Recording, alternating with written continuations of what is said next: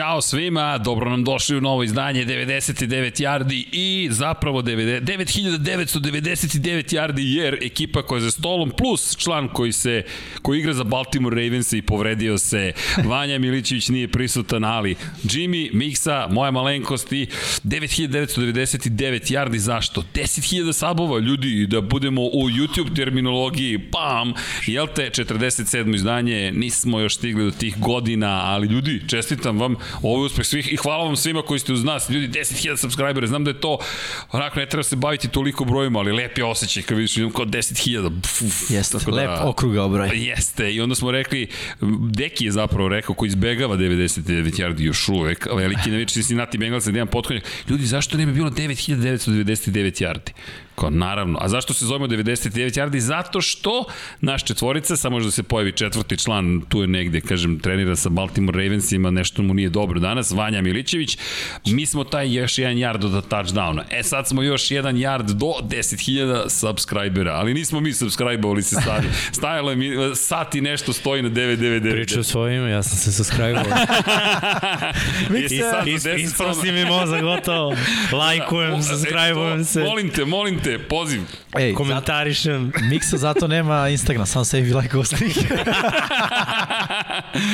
da pojačamo. Samog sebe taguje, samog sebe lajkuje i samog sebe restory, regrafuje i sve ostalo. E, solo promocija.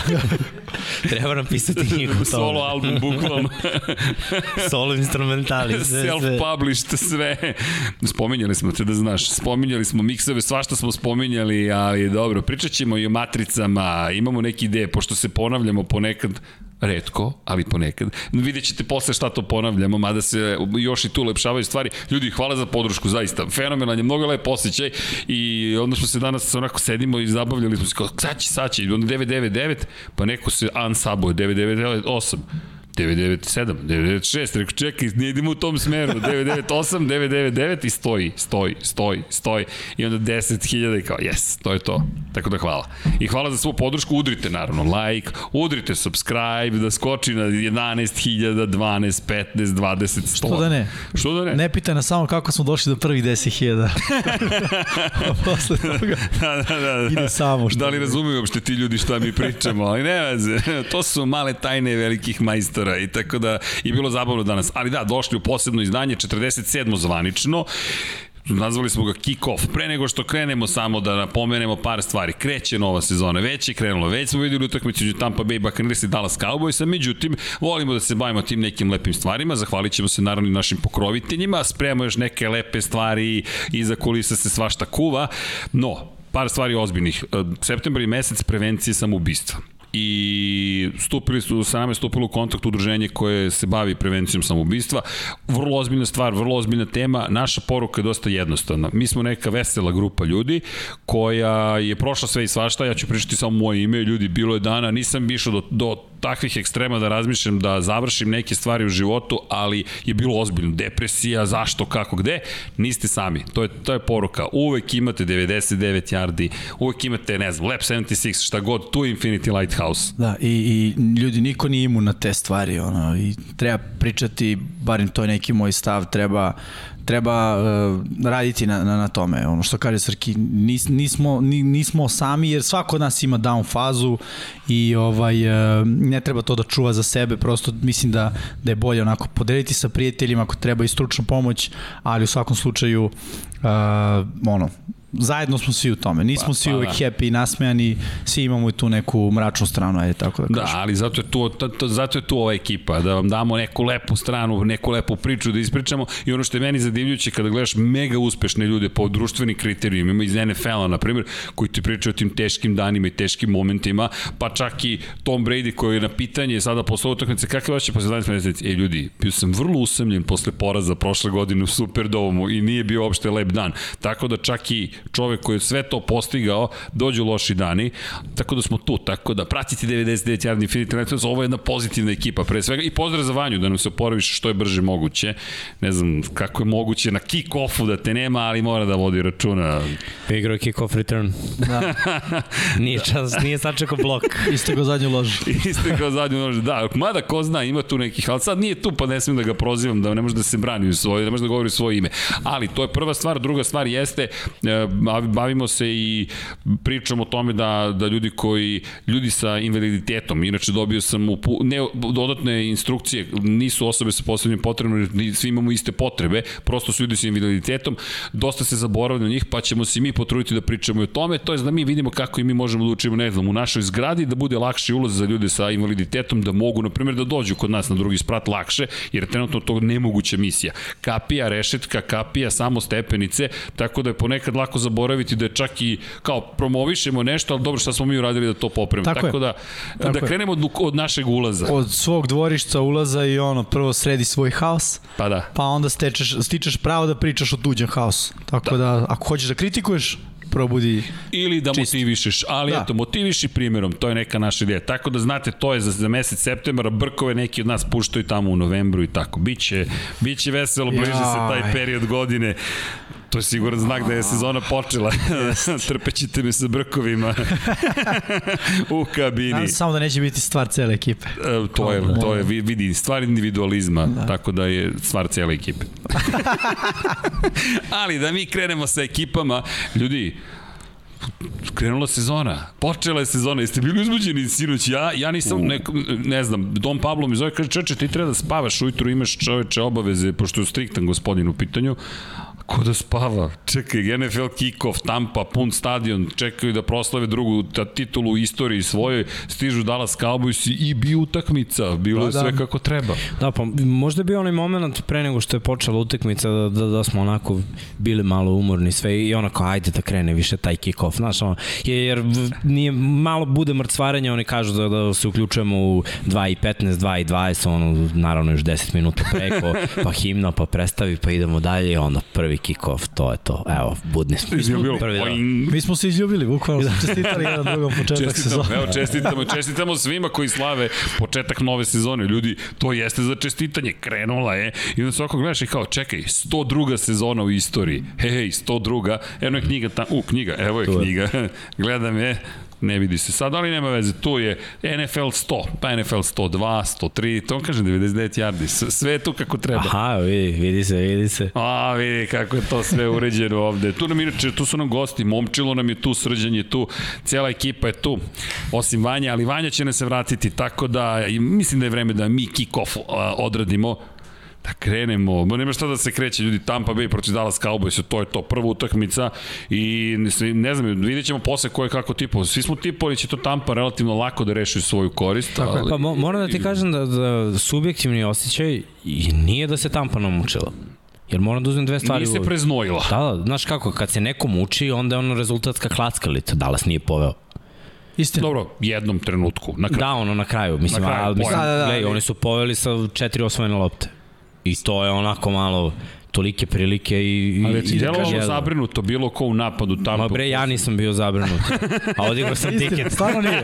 Stvarno nije. Sve vreme smo sedeli, on gledamo si kao malo, je okej. Okay, Koliko imamo do kraja? Sat, minut 24 pokazuje meni Miksa i ja kao, da, da, to je to. To je to. Još ide onaj kadar na Vredija da. i sada onaj Čekaj, gde je ovaj Dalton? Tali, Znaš šta sam izvalio? Talični tom akcije. E, čekaj, si mu vidio pokret, e, to je to, a? Talični a, tom ga je rešio. Pa, pa ako vratiš na thumbnail, e, Bogdan je rešio ne, ne, ne, ej, kauboje. Bukvalno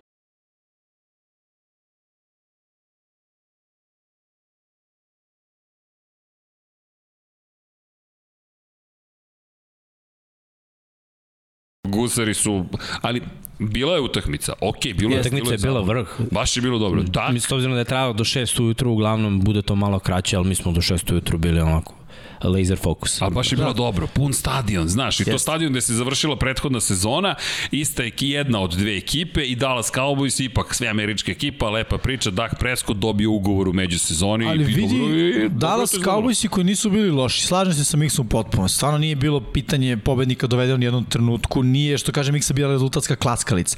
Kad projedeš protiv Tampe, odnosno protiv ekipe koju vodi Tom Brady minut 24 pred kraj i daješ mu loptu, to je nije neki način da se nešto nadaš da si utakmici mnogo uradio, zaista. Ali rekao bih da ipak i Cowboysi i njihovi navijači mogu da očekuju nešto od Dallasa ove sezone. Ajde tako da kažem, pošto pred početak sezone stvarno je delovalo ono da će odbrana biti veliki znak pitanja, četiri uh, uh, preotete lopte, kako se to već kaže, turnover je teško prevesti. Da, ukradene da. lopte, što je odlična statistika za odbranu. Jeste. Uh, neke strane, su bile do duše poklonjene, ali neke su bile baš osvojene. Jeste. Jeste, ali opet hoću da kažem, onako, ima nade za taj tim Dallasa. Znamo da istok NFC-a nije najbolja divizija. znamo. Kad kažem znamo, znam. znam, znam, da, pouzdano. Tako je. Dobro je da ti znaš. Možda mi već neko vreme znamo, ali nisam siguran da smo bili na istoj strani. Neki od nas smo mladi, pa saznajemo to kasnije. ovaj, e, diviziju koja može svašta da se desi. I te međusobne utakmice u toj diviziji će biti ključ. Tako da za Dallas nije, neće biti propala sezona. Ono što se meni ne sviđa sviđa, što već liči na prošlo. Nadamo se da će Prescott biti zdrav do kraja, da neće biti u tom smislu slična, ali lično prošlo u smislu to je Mihajlo, Mihajlo, Miksa u prenosu, o, a prenosom je ostao laser fokus. Viš da smo i dalje. Krajnje ozbiljni. Veliki pozdrav. uh, Raymond James stadion. Što je Miksa rekao, ovaj, uh, liči u smislu mnogo poena, mnogo pokušaja kroz vazduh. Trčanje je bilo, čini se, 17 nošenja sve ukupno za, za da. Dallas. Ma Zik ima 10 nošenja, mislim, ne znam šta se očekuje od čoveka da s 10 nošenja ima 100 yardi, mm. to je absurd. Ne, ne, nema šanse to da se desi, ja ne znam, running back ne, ni u jednoj eri nije postao running back koji sa 10 nošenja može da ima 100 plus yardi, to, to mi je ono prosto neverovatno. Ok, razumem s jedne strane taktičku zamisao, i da prošla godina nije bila kakva je bila, ja bih rekao, ok, ovo je dobar game plan, možda za samo ovu utakmicu, jer Tampa Bay Buccaneersi trčanjem prošle godine dozvoljavali su 80 yardi. Bili su prvi u ligi i to je malo i onda je u redu da imaš plan da ne trčiš ali to nije samo za ovu nedelju, ja sam siguran da će Dallas imati ovakvih utakmica. Šta je problem kad igraš na ovaj način?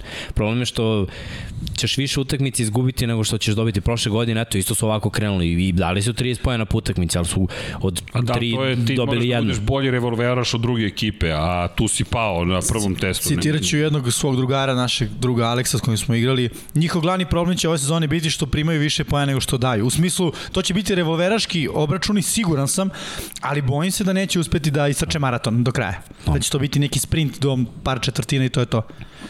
Ljudi, mada mi ovde nedostaje jedan poen, ja bih rekao. 10, 10, 7, 3. Nešto nam se šlogiralo gore, ali kada je reč o, o ostaloj statistici, Jel, jel sam u pravu? Da, nešto po četvrtinama ovo nije, nije tačna ne, informacija, ali krajnji rezultat nam je dobar. Da, a, ovako, prva... krajnji rezultat je dobar, 20, prva, prva četvrtina mislim da, da je bila 7-7. 7-7, jeste. I onda jeste, u drugoj su Buccaneersi postigli dva touchdowna. Da. 14 3 možda da je bila.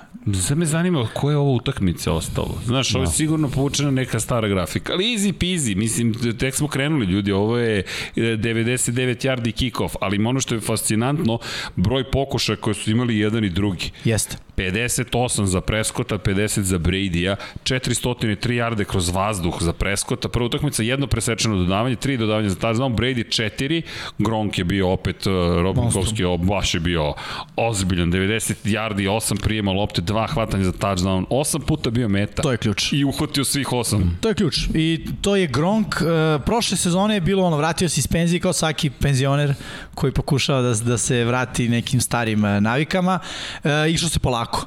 U smislu, setimo se početka sezone, blokirao je, on je prvi pas uhvatio, ne držite me za reč, peta, šesta nedelja ili čak i kasnije. I onda u Superbolu imao uh, značajnu ulogu. I evo ga sada već, tako je, mislim da će, tako je, i mislim da će već ove sezone Gronk, kao što je već sada pokazao, od početka biti faktor u toj igri kroz vazduh. Ne ključni igrač, ali faktor.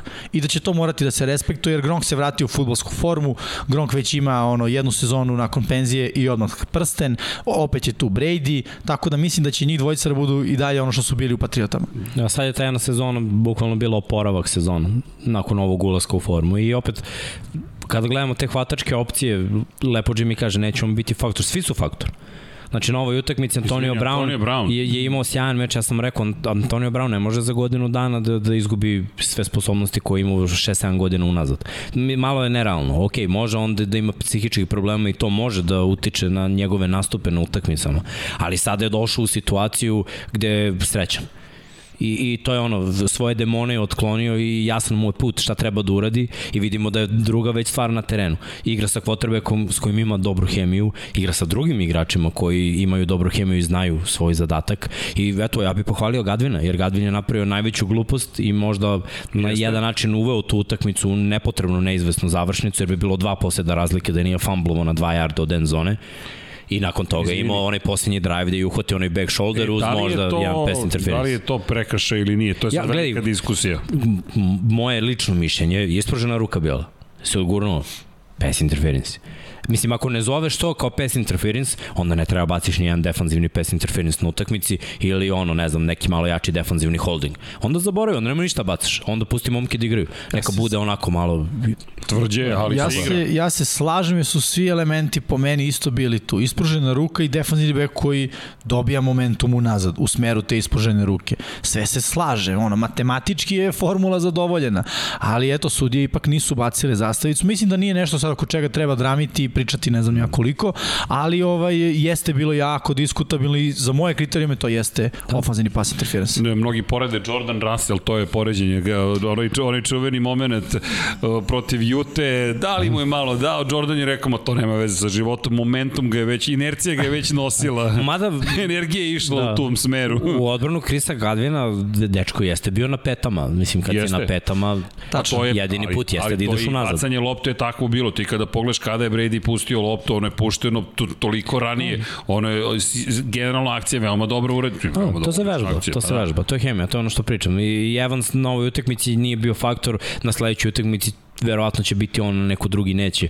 I, i tako će funkcionisati Tampa, to je previše oružje. Ima rešenja, upravo to. Izvini, ali drugačije izgledala Tampa. Nije Potpuno. bilo bacanje uh, 50 yardi u napred, ne, ono je baš ne, bila patriote igra. Ovo je nastavak od utakmice od Superbola Super prošle godine, pa da. što su odlične vesti za Tampu. Oh. Kroz sredinu na linebackere, pa izvini, onaj bullet prvo Bradyjev, pa onda dime ka, ka, ka Antoniju Brownu i Brown koji to sve hvata. Dobro su zaista izgledali, što ti kažeš, nisu se oznojili u suštini u celoj priči generalno atmosfera je meni bila fenomenalna što najzad je publika tu i to isto će biti faktor ove godine. Prošle godine prazne tribine, drugačije, znaš, drugačije, nekako sam se navikao bio da sad čujem sve šta se viče na terenu, sad od toga nema, ali ok, pozitivno i uzbudljiva atmosfera, Jest. koncert, NFL, kick-off, cela priča je bilo, bilo baš uzbudljivo i, i krenula sezona, to je nešto najvažnije. Fali publika, stvarno, i falila i ovo, ovo je bilo lepo. Le, lepo je bilo čuti, da.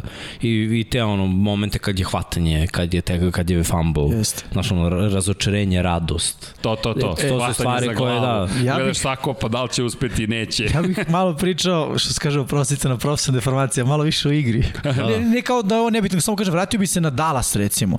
E, statistiku, baš sam htio da zamolim, da vidimo zapravo kada pogledaš, e, Ezekiel Elliot, 11 nošenja, 33 jarde. Prosek nije loš. 3 jarde po nošenju za NFL standardne za trkača, to je u redu, međutim Zik nije prosečan trkač. Zik bi trebao da ima malo veći prosek i uh, Elliot bi trebao definitivno ima više nošenja. Ono što je Mixi u prenosu rekao, ovih 11 nošenja, recimo da je za prvo po vreme imao ajde sad opet da, da, da, da ne bude da me držite za reč, ali možda imamo pola od ovoga, 5-6 da, da, da, premalo. Da je tim, tim imao 9 nošenja, Prescott je od toga imao bar 3. Tako da je Ezekiel Elliott imao valjda 5 i Pollard jedno, ali to je smešno. Da, i ono što isto možemo odmah da vidimo ovde na, na, na, ovoj, e, na grafici, uh, Greg Zerline. Dva uh, promašena field goal, ok, jedan sa 60 yardi, preambiciozno, ali ovaj uh, prethodni je zaista morao da da pogodi i extra point takođe jedan promašen, to nisu najsjajnije vesti i Mihajlo i ja nismo bili sigurni baš kako će to biti kad je šutirao onaj uh, poslednji šut za Dallas, da li će pogoditi, neće pogoditi. Nama je onako neko delovalo da je veće šanse ima da on to ne pogodi, šut. ali jeste, bio je dobar šut. Bio Već je imao pre toga uh, polovičan uspeh, 50%, 50% je imao dva puta je pogodio, dva puta promašio. Bila je solidna razdaljina, nije to bilo ništa spektakularno, ali opet mogao i sa te razine promaši. Kiker će biti isto upitan za Dallas. A kada igraš taj revolveraški meč, bitno je da uvek postižeš poene. Da da postižeš u svakom drajvu.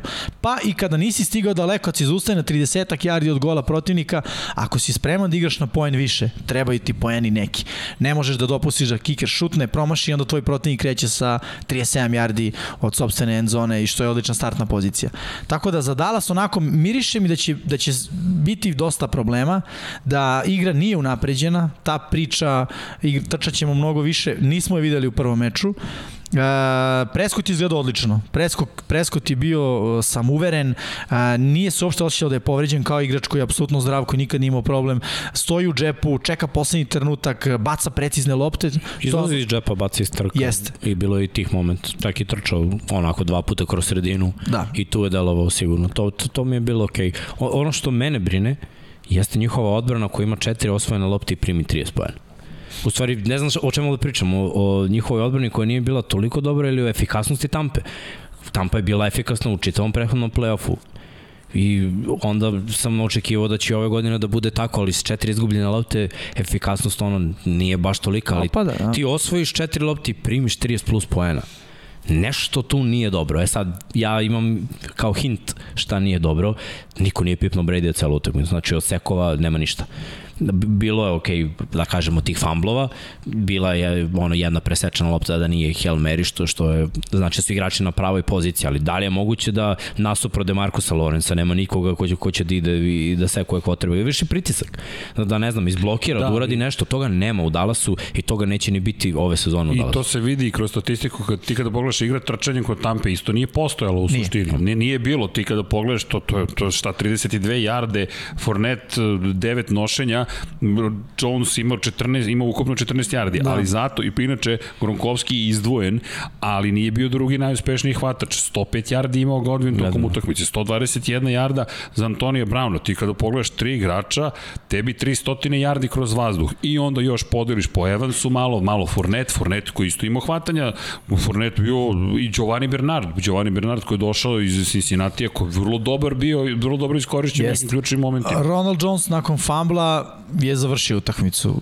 Ne svojom voljom, siguran sam, ali nismo ga više videli na terenu uopšte. Fornet je preuzeo sva nošenja. Bernard je ušao, čini mi se, na kraju, da poslednju četvrtinu, da li poslednji drive, da, tu minut e, napadu, čisto kao bolja hvatačka opcija, kao neko ko je agilniji, koji kao uhvati loptu će, da kažem, bolje da se snađe i da izađe u out, recimo. 12 yardi. Tako je. Ali i slažem se sa tobom, i game plan Tampe, odnosno ako je ovo ideja za celu sezonu, nije baš najsjajniji, mada i prošle godine su ovako počeli, pa su napravljena dodatna prilagođavanja kako bi to sve profunkcionisalo. Mada da budem iskren, kada pogledam naš Dallas, ja, ja bi isto dodavao protiv njih. Da, protiv Dallas inače, ima tu još jedna, samo još jedna stvar, a to je, i Brady je rekao, moramo još mnogo toga da očistimo, ali ljudi, ovo je prva, ja čak mislim da ovo pozitivno za njih, da si najbolje pripremljen sada, to nikad nije dobro tempiranje Istina. forme. Oni su odradili posao 1-0, sledeća utakmica i to je to. A i onda i mi da dođemo do sledeće utakmice, pošto treba da najavimo šta nas još čeka ovoga vikenda. Ovde je predlog neki da idemo ovim redosledom. Najava prvo kola, Don Pablo to efikasno odmah izbacuje i ako je po ovom redosledu Kansas City protiv Clevelanda je sledeća tema. Kansas City Cleveland, ljudi, Pričali smo onako usput o tome, ali došlo je vreme za, za, za utakmicu koja, koja je prilično velika. Browns i Chiefs i... Pazi, za Brownse ovo je uh, jednaka utakmica kao njihova poslednja prošle sezoni. Poslednja utakmica prošle sezoni igrali su proti Kansas City Chiefs. Tako da za njih je ovo rematch. Za njih je ovo ono kao igramo dve utakmice za redom protiv istog protivnika, s tim da smo u drugoj motivisani, jer smo u prvoj malo bili nepoznati teren, playoff, kao šta je to, znaš, igramo protiv Chiefsa, svemoćnima Holmes, pa se čak i on povredio.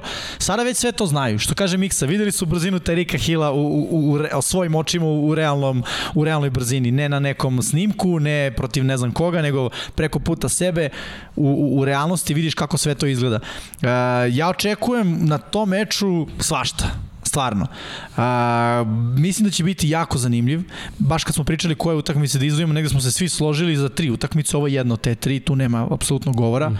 Prva nedelja i odmah onako, ovo je ozbiljno duel. Jako. Jeste. Ovo definiše i playoff potencijalno i iz perspektive nosioca, i iz perspektive broja pobjeda i iz perspektive toga kako si, kakav će biti playoff meč ukoliko se ponovo sretnu. Ma i odnos snagu u AFC-u. To je to. Znaš, koliko su sada, to je moje mišljenje, koliko su sada Chiefsi daleko od drugih. Jer ako Brownsi budu tu u utakmici, onda možda i neke druge ekipe budu tu. Ako Chiefsi sprže Brownse bukvalno u ovoj utakmici, onda su svi u AFC-u u problemu. A Chiefsi su bolji tim nego te prošle godine u play-offu. S obzirom da imaju dva probolera više u ofenzivnoj liniji, a ofenzivna linija je bila najveća njihova boljka. I još jednu stvar, izvini Mihajlo, imaće i uh, Mahomes sa sve četiri četvrtine, nadamo se. Povredio se prošle godine na tom meču. Da, s boljom ofanzivnom linijom, verovatno bolja protekcija. U, generalno su ostali, da kažemo, u istom sastavu. E sad, čitam ovo za Tyrona Meteo.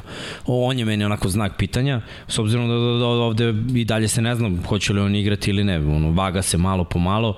Uh, isto tako na, po znakom pitanja su i Jadavion Clown i Odell Beckham. Znači, stoji questionable. To znači mogu da igraju, a i ne moraju da igraju jako bitni igrači na obe strane. Sad, prošle godine i pored te slabe ofenzivne linije, falio je malo pritisak. Miles Garrett, nakon covid kao da je bio van svake igračke forme, stalno je bio zadihan, nije dolazio toliko do Mahomes. Pomogu bi mu Clown iz druge strane. Sad, ako Clown ne igra, Garrett je opet sam može tu da se odradi double team. Što se tiče Odela Bekama, znači Odel, Odel je Odel, Odel privlači plažnju. Ne mora on da ima neki učinak, ali ne možeš da ga pustiš da sam stoji tamo na drugoj strani. Ovo moraš da pošaljaš tamo jednog od boljih Istina. igrača, safety mora bar malo da nagne tamo, pošto se 4-3 brzina. Već je malo druga priča, znaš. I što se Chiefsa tiče, u njihovom skill napadu, ja mislim da, da oni apsolutno moraju da, da probaju nekim trčanjem nešto da urade. Jer ako opet budemo videli ono prangijenje na obe strane, mislim da i Cleveland samo tu ima prednost u ovoj utakmici, jer oni znaju da će trče da kontrolišu vreme. Yes. druga četvrtina, izvini, Kansas City u drugoj četvrtini zapravo zadao glavni udarac prošli put Browncima, ali opet povredama Holmesa, pa onda krenula drama, meni je interesantno ta, to prvo poluvreme sa Chiefsima, to se sa Tampom desilo. Prvo poluvreme tu izađu i unište protivnika praktično u nekim ključnim momentima i onda drugo poluvreme izgleda drugačije. I sad, kada pogledamo iz perspektive Superbola koji je kasnije održan, opet tri meč između Tampe i, i Kansas City-a, Tampa je na osnovu tog drugog poluvremena zapravo izgradila game plan za Super Bowl. Sad će mi biti zanimljivo upravo što si rekao, ok, Brownsi su u tom momentu nešto novo videli, hajde da vidimo da li mogu da uznapreduju još više. Meni ovo super, ovo je možda i najlepša utakmica, kada kažem najlepša, najdublja utakmica. Ima još mnogo zanimljivih duela, ima sjajnih duela, ima tvrd duel, pogotovo kasnije ćemo pričati o Steelersima i Billsima. Meni to onako vrlo interesantno, ali ovo je drugačije. Ovo su ljudi koji treba budu i keci dvojka praktično, potencijalno u AFC-u, uz, uz Buffalo. Istina. I slažem se sa svim što je Miksa rekao. Uh, samo jedna stvar je uh, onako isto bitno za mene uh, što bih što bih izdvojio. Igra po zemlji Cleveland Brownsa. Mislim da u ovom meču stvarno može da bude za njih formula za, za pobedu. I kao što si rekao, tu nema šta. Svi znaju i Cleveland Brownsi znaju da će biti trčanja. Kako će se snaći odbrana Chiefsa protiv te igre po zemlji? I to će isto biti e, dosta upitno. Slažem se sa tobom i što si rekao za Chiefs da moraju da pronađu igru po zemlji. Oni nekako počnu izbalansirano. E onda zavisi šta se desi. Ukoliko uđu u situaciju da e, je protivnik tu rame uz rame sa njima, oni se malo više osvoje na Patrika Mahomesa, malo više se igra kroz vazduh, odustaje se od trčanja, što se njima obilo u glavu i u Superbowlu prošle godine jer ne može tek tako da se odustane od igre trčanja. Pogotovo, pogotovo zato što je u Superbolu prošle godine funkcionisalo trčanje. Da. Kada god su trčali, uzimali su 3, 4 yardi, to je dobro. Ja mislim da Chiefs imaju ono što treba da to trčanje funkcioniše. Sad je samo stvar koliko će Andy Reid i e, generalno njegov ofenzivni koordinator da veruju da treba da se drže toga, da ono, e, igramo trčanje sve četiri četvrtine, a ne negde u trećoj ako već imamo za ostatak ili ako je ono rezultatska klackalica, odustaj samo Mahomes pa šta uradi, uradi, jer su hvatači upravo Mahomesa pokazali da umeju da se ne pojave, pa čak i Kelsey poslednji meč koji su igrali, odnosno Super Bowl, Kelsey, ono, statistički na kraju je i postojao. Da. Ali realno gledano, na oko, kada samo se gleda taj meč, on do četvrte četvrtine on nije se pojavio. No, ako Mahomes mora previše da trčka levo desno, džaba mu i Hill i, i, i Kelsey. Ali vidjet ćemo posle šta smo mi ovde prognozirali, šta da. smo rekli. U svakom da, slučaju, interes, jedan od... Interesantne su prognoze, ali ok, izvini. Da, da, u svakom slučaju, jedan od uh, mečeva koje ja stvarno jedva čekam. I Dobar. drago mi što je ovo nedelja broj 1. Ok, neće biti to to u smislu sad kao, kao meč kad bi bio recimo u nedelji broj 12 između ove dve ekipe kad da. su onako već u formi, ali nema veze i ovo je dobar pokazatelj uh, gde će sezone krenuti i, jedno, i za jednu i za drugu ekipu. Uh, izvini, krenuo je novi stream. Dakle, krenuo nam je novi stream, iz nekog razloga net nam je ponovo poludeo, uproko svim našim pokušajima. Ok, imam novu ideju, ne, ne, počeo je stream već, već smo u, u live-u, ali evo sad ćemo da podelimo sa vernom publikom i novi link, pošto očigledno da moramo sve iz početka, ali eh, hvala za podršku još jednom ljudi, nadam se da ćete eh, nastaviti da nas pratite, evo za one koji su u starom streamu, link stiže upravo. Zašto? Pa zato što kasno ne mogu više ni da ubacim link, ali dobro. Nadam se da ste tu negde i da nas pratite, to je da ste uspeli da nađete novi stream, nemam šta da vam kažem mudro, osim da imam novu ideju kako ćemo ovog jednog dana da rešimo. Jednog dana ćemo imati super giga mega brzi internet ovde koji će biti pouzdan. Ja se nadam da se mi vratimo Brownsima i Chiefsima. Dobro, pazi, to će biti veliki moment kada e, net bude potpuno pouzdan. Ne znam više šta da uradimo, imamo tri provajdera i nijedan očigledno ne funkcioniše. I mašinu za fallback opciju i sve smo nabavili i dalje nemaš. Ok, idemo dalje. Mi smo idemo. nastavili da pričamo, mi nismo ni znali. Dom Pablo iskulirao nas i samo nas je pustio lagano da uđemo u novi stream, što je hvala, zahvalni smo na tome, jer onda se zbunimo pa počnemo da pričamo, a sad ja ne bih ja išao dalje sa pričom, da pređemo na sledeći meč, ali iz AFC-a da se prebacimo ako se slažete u NFC i pričamo o Green Bayu i New Orleans Saintsima. Uf, uf, uf. Uf, uf, uf. Hajde da počnemo. Je to u redu da krenemo odatle? Yes. Može. Može. Može. Jest. U redu je. Toliko, za mene, onako, toliko toga novog ćemo videti na tom meču. Jer ja, ok, Green Bay i napad Green Bay ostao isti u pogledu bitnih igrača. Jones je tu, Rodgers je tu, na Devonte Adams je, je tu, sve je to ok. Mislim na ta ofanzivna oružja i taj tu, e, te skill pozicije. A, ovi hvatači koji nisu bili neki preveliki deo igre, neki su otišli, a, ali u svakom slučaju, iako to izgleda slično, mislim da nije isto. Da ta činjenica što Rodgers nije bio tu, što je postojala cela drama, da se na neki način odrazila. Na koji? saznaćemo u nedelju. A, sa druge strane Saintsi, ono, otišao je, pričali smo već, Drew Brees. A, isto ono, tek treba da vidimo šta je James Winston. Ono, i, ono jedno poluvreme, čak nije bilo da. ni celo, a, četvrtina ili četvrtina i po, u suštini su po, dobri signali, ali hajde da ga vidimo četiri četvrtine, hajde da ga vidimo kad on bude bio minut 24 kao Brady i za ostatak od dva, jednog pojena, kako će to da deluje? Da li će Saintsi imati drive za pobedu ili neće? Tako da ja, što se tog meča tiče, onako, uh, čekam ga sa nestrpljenjem, slično kao oni prethodni, ali zato što od, o, ovde očekujem od jedne i druge ekipe da mi pokažu u kom će smeru uh, generalno ići ove godine. Odnosno, da li su to neki stvarno udarci ili je to samo bilo, bilo bili su udarci, ono, prevazišli smo, idemo dalje, s jedne strane Winston je naš u broj 1, eto i Latavius Murray nije deo otišao, da. Saintsa, on je, on je otišao i to je jedan od, od udaraca za, za ekipu Saintsa, a sa druge strane, ono, da li to što je Rodgers drama postojala u predsezoni, će se odraziti na Green Bay ili neće se pa odraziti? Pa hoće, već se odrazila. Mislim, evo, Devonta Adams je dobio ponovno da produži ugovor. Rekao je neću. Ali što bi rekao, hoću, hoćemo mu bude quarterback. Da. Šta će da radi u Green Bayu? Znaš kako mi ovo izgleda, samo ono lupim neku metaforu, ali ono, delo je kao posljednja žurka u srednjoj školi i svi znaju da idu na koleđ na različite strane, znaš. I sad ono, ovo mi je ta sezona, sezona mi je posljednja žurka. Može da bude ono ludilo, ali ne mora da znači da će svi tre, ono, završiti pri svesti ovo sezonu. Vrlo lako može da se desi da uđu u play-off, uđu u, ono, u finale konferencije, da sve bude kako treba i ako tu se desi neki poraz od ovog tima Green Bay-a, bukvalno ništa neće da ostane. Oni imaju nekoliko vokalnih igrača koji će već sledeće godine da odu, ako ne sledeće, za dve godine da odu i to je doviđenje prijatno kraj priče, da rebuild, potpuni rebuild, jer sledeće što njih čeka je potpuni rebuild nekako mi ne deluje dobro. Sad, u ovom trenutku, tačno u ovom momentu, preko potrebno mi je pobeda protiv Saints. Ako izgube loše za, za slačionicu, jer Rodgers nije bio tu kao što si rekao, nije bio tu i onda će krenuti ja, pa nije bio tu, pa nismo igrani, pa ni, pa će krenuti ovako, pa ovo, pa, ono, pa bam, trener. Pa biti pitanja, kao provokacija Jeste. i onda Biće. kako će ko da odgovara.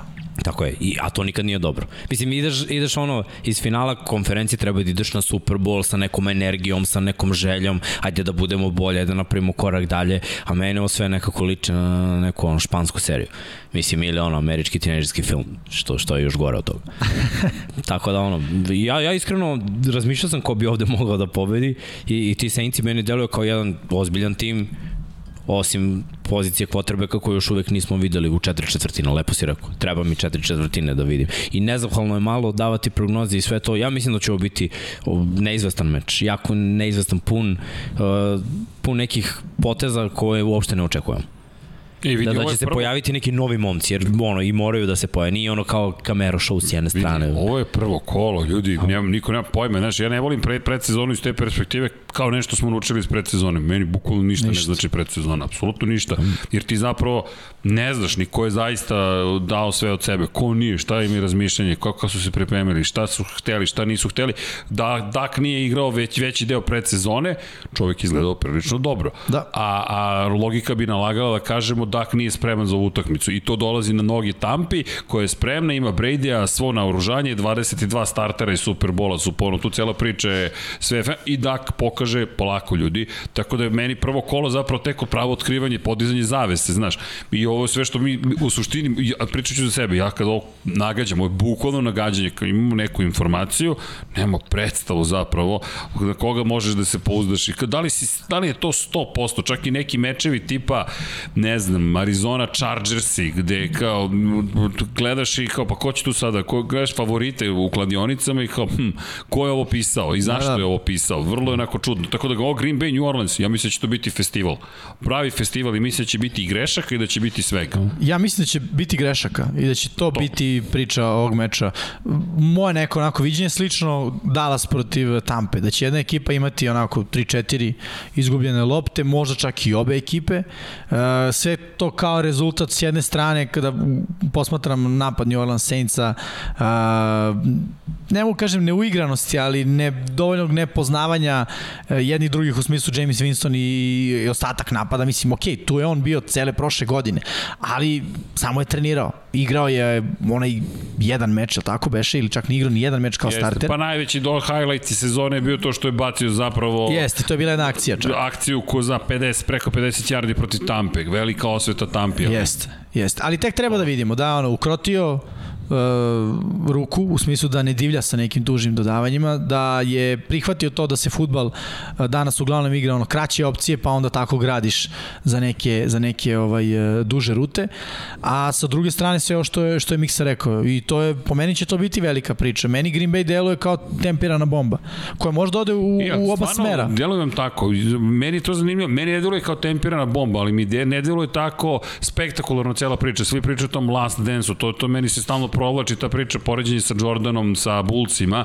Potpuno mi je besmislena cela, cela ideja. Jeste oni getting the band together, pa potiče na braću Blues, kao skupila se stara ekipa, sad smo mi tu, sve je cool, a nekako ti miriše da nije cool. Pa, znaš zašto je rekao tempirana bomba? Znaš, ono u američkim filmovima imaš dve žice, Dobro. ono od broja. I sad kao, ako presečeš zelenu, super je. Ako presečeš žutu, ako presečeš drugu zelenu, žutu, žutu. ode sve žuto, ode sve dođevalo. Tako mislim da, da će sezona Green Bay da, da izgleda baš zbog svega ovog što smo pomenuli da se sad ne, ne, ne, ne ponavljam. I ne idem na ruku, mislim, online, staje ta stara ekipa, Bulaga nije tu, Linsley nije tu, a Bakjarija, da li ćemo da vidimo, nemam pojma, a Saints imaju brutalnu defanzivnu liniju. I tu, I rest my case. I vidjet ćete posle ko je tipovao na koga i da li je neko bio dovoljno hrabar da kaže suprotno nekoj logici. Ali vidjet ćete to malo kasnije. Naravno, inače Jimmy nas je večeras organizovao krajnje ozbiljno i rekao ljudi da se ozbiljite večeras, tako da coach je preuzeo stvari ovde i pod punom kontrolom je sve, ali nešto nismo uradili Dom Pablo, nismo se zahvalili našim pokroviteljima, ja bih iskoristio priliku da to učinimo u ovom momentu. Zašto? Ljudi, hvala, hvala, hvala, hvala, hvala, hvala, hvala, hvala, hvala, hvala i hvala. I inače imam pitanje Žorž, za Žorža. Ovde preko puta nas je pekara Žorž. Pa mi palo na pamet, da li tu postoji neka veza ili ne, ali šalom na stranu, hvala Žoržu, hvala Savi, Toniju Ruščiću, Mariju Vidoviću, Ivanu Toškovu, Stefanu Duliću, Marku Bogavcu, Ozirno Prpiću, Marku Mostarcu, Nikolu Grujičiću, to je ta matrica koja mi je potrebna, samo što se dodaje i to je mnogo lepo čuti i reći. Aleksa Vučić, Zoltan Mezej, Zoran Šalamun, Miloš Banduka, Laslo Boroš, Đorđe Radojević, Ivan Simonović, Mihajlo Krgović, Nenad Ivić, Nikola Božinović, Monika Erceg, Omer Kovačević, Filip Banovački, Miroslav Vučinić, Predrag Simić, Žorž, ponovo, Stefan Vidić, Mlađan Antić, Jelena, Mladen Krstić, Marko Ćurčić, Milan Nešković, Ivan Maksimović, Bojan Mijatović, Petar Relić i Stefan Prijović. Plus 15 tajnih pokrovitelja. Imam jedno pitanje za Miksu, pošto, pošto nam... Za Mihajla. Za Mihajla. Za Mihajla. pošto nam klikćeš subscribe, da li si možda i Patreon uplatio? e, znali bismo da dobio poruku. Možda je pok tajni pokrovitelj. Tajni pokrovitelj, ej. I ostaje poruku, ovo je za Miks. Mihajlo. Ne, Za ne, Mihajlo. Mihajlo. Da. Mihajlo, Mihajlo S. S. Mihajlo S. Da, dobro. E, da se vratimo mi, evo, ta, Jimmy me vraća. Tako to, ne, ovo mora da, behind the scenes mora da padne ove sezone. Kako upravlja Jimmy. E, timer, stavio mi je časovnik tamo da ga Tako gledam je. i... I upozorava me kada šta treba da se desi. Do kraja sezone, drugari, ovo je kao Tampa prošle godine, uigravanje i onda do Superbola bit će zategnuto, sve nemojte ništa da brinete. Ali da se mi vratimo onome što je Jimmy meni napisao i rekao da Erceg je si sve, nema problema. Sledeća stvar je Buffalo protiv Pittsburgha. Dakle, Buffalo Bills i Pittsburgh Steelersi. Meni ovo deluje kao ljudi tvrda utakmica. Pittsburgh Steelers se mnogi pocenjuju, ja mislim da ne treba da ih tako lako pocenimo i to je taj efekat, loše su završili sezonu, nije izgledalo kao na početku, nekako kao da su se provukli, uslovno rečeno, u prvom delu prošle godine i da smo zaboravili da su to i dalje Steelersi i dalje to je jedna tvrda ekipa koja izgleda bolje, dobro, potpisali su se TJ Wattom produženje ugovora, važna stvar. stvar, na četiri godine, bogatije za zagarantovanih 80 miliona dolara, vredan ugovor preko 100 miliona dolara, tako da mislim da će happy place biti za TJ Watta do daljnjeg Pittsburgh Steelersi i samim tim sad Buffalo Billsi Koji je vaš utisak? Ima utisak da sve zavisi od Josha Allena i od toga kako će on da igra. Pa, ja ne bih Pa ne. Rekao... ekipe. Da, ali To. čak ne bih rekao Josh Allen, više bih rekao ofenzivni koordinator. Da, Aha. ali će biti ideja, ma, ono, uh, Josh Allen do kraja, pa ono, pobednik, Superman. da, pokojnik ili pukovnik, kao i prošle godine, ili će biti, e, ajde da naučimo iz prošle sezone, što su predsezoni pokazivalo, ali ne mogu da kažem, e, naučili su, jer što kaže Miksa, Josh Allen nije bio na terenu. Uh, njihov ofenzivni koordinator, Dable ili Double, kako Da. se već izgovara, uh, mislim da je potpuno drugi čovjek kada vidi Josh Allen na terenu, da tada menja potpuno filozofiju i da počinje ono da bude, idemo all in na Josh Allen, onako uzima sve ispred sebe čipove i kad niko ne gleda stavlja Josh Allen. Gde Igramo si, pas. Josh? Gde si Josh? Evo da ti. istrčiš malo? Mogu bi ga. Pored Či koga igramo? malo, hoću, a da baciš ti. Možeš da baciš ili da trčiš, da ali ti. istrači neko drugi. Za početak. Pa, veliki je znak pitanja. E, ja bih samo da kažem da utakmicu Cleveland uh, i Kansas City prenosimo na sport klubu 22-25, isto tako i ovu utakmicu 19 časova. Ova, meč, ova će biti na sport klubu 5, to znam. I da kažem ovako, Steelers imaju brutalnu odbranu, pojačali su odbranu od prošle godine. Znači odbrana koja je već bila onako jaka, doveli su još nekoliko dobrih igrača. Nije tu Dupri, tu je Melvin Ingram. Mislim, meni je Melvin Ingram bolji igrač. Isto tako nekoliko linebackera da pojačaju ono što je falilo prošle godine. Bush nije igrao, sad je Bush tu. Josh Obert koji je igrao za Cleveland, bio jako dobar, znaju ga iz divizije, sad je tu. Secondary jako dobar. D-line, ja mislim da imaju najbolji u ligi. Jer i uh, Hayward, Hayward. i Hayward i Oluvalu i ovamo s polja kogoda stave na defanzivnu liniju. Tu, imaju 5-6 igrača koji su stalno u rotaciji. Neće biti lako trčati i vrlo lako može da se desi da Dable baš odluči da, da pusti onako Josh Allena da baca loptu. Oni će probati nekoliko puta, ali protiv Steelersa ne ide baš trčanje tako lako. E sad, ono što mene plaši da će oni probati nekim read optionima, mi svake godine gledamo Josh Allena kako se zaleće, trči nešto i on dečko stvarno ide i preskače ljude i ulazi ramenom u kontakt i pravi Steve Farm onako među dvojicom igrača. To su stvari koje on sad sa ovim parama i sa ambicijama bilo sada da osvoje nešto, mora da zaboravi. Znači on mora da bude quarterback i to je to, a ima ko da trči. Opet, bi, biće zanimljivo vidjeti hvatačke korpuse na obe strane. To je to ono što me znam, ne bi nikog odvajao ovako, nego samo kao cijelina. S jedne strane imamo jednu super zvezdu, s druge strane imamo pet potencijala. I, I to je sad ono bitka, ko, šta je bolje? Šta je bolje imati? Imaš dva kotrbeka s jakom rukom i, i šta je bolje da imaš? Pet hvatača koji, koji onako mogu, da kažemo, skoro sve da urade ili jedno koji može sve i ove druge koji moraju mnogo toga da dokažu. I, biće pravi derbi. Ja, ja verujem da je ovo jedna od najboljih utakmica. Ja mislim da, da je ovo najbolja utakmica u tom prvom terminu koji se igra od 19 časova i, iako ćemo pričati i o nekim drugim mečevima i blagu prednost dajem Billsima samo iz jednog razloga, a to je što se u njihovom rosteru apsolutno ništa nije promenilo. Znači, Ben ima par promena. Prvo, Najee Harris i ofanzivna linija. Ne sumem ja u skill, ali u ofanzivnu liniju Steelersa sumnjam.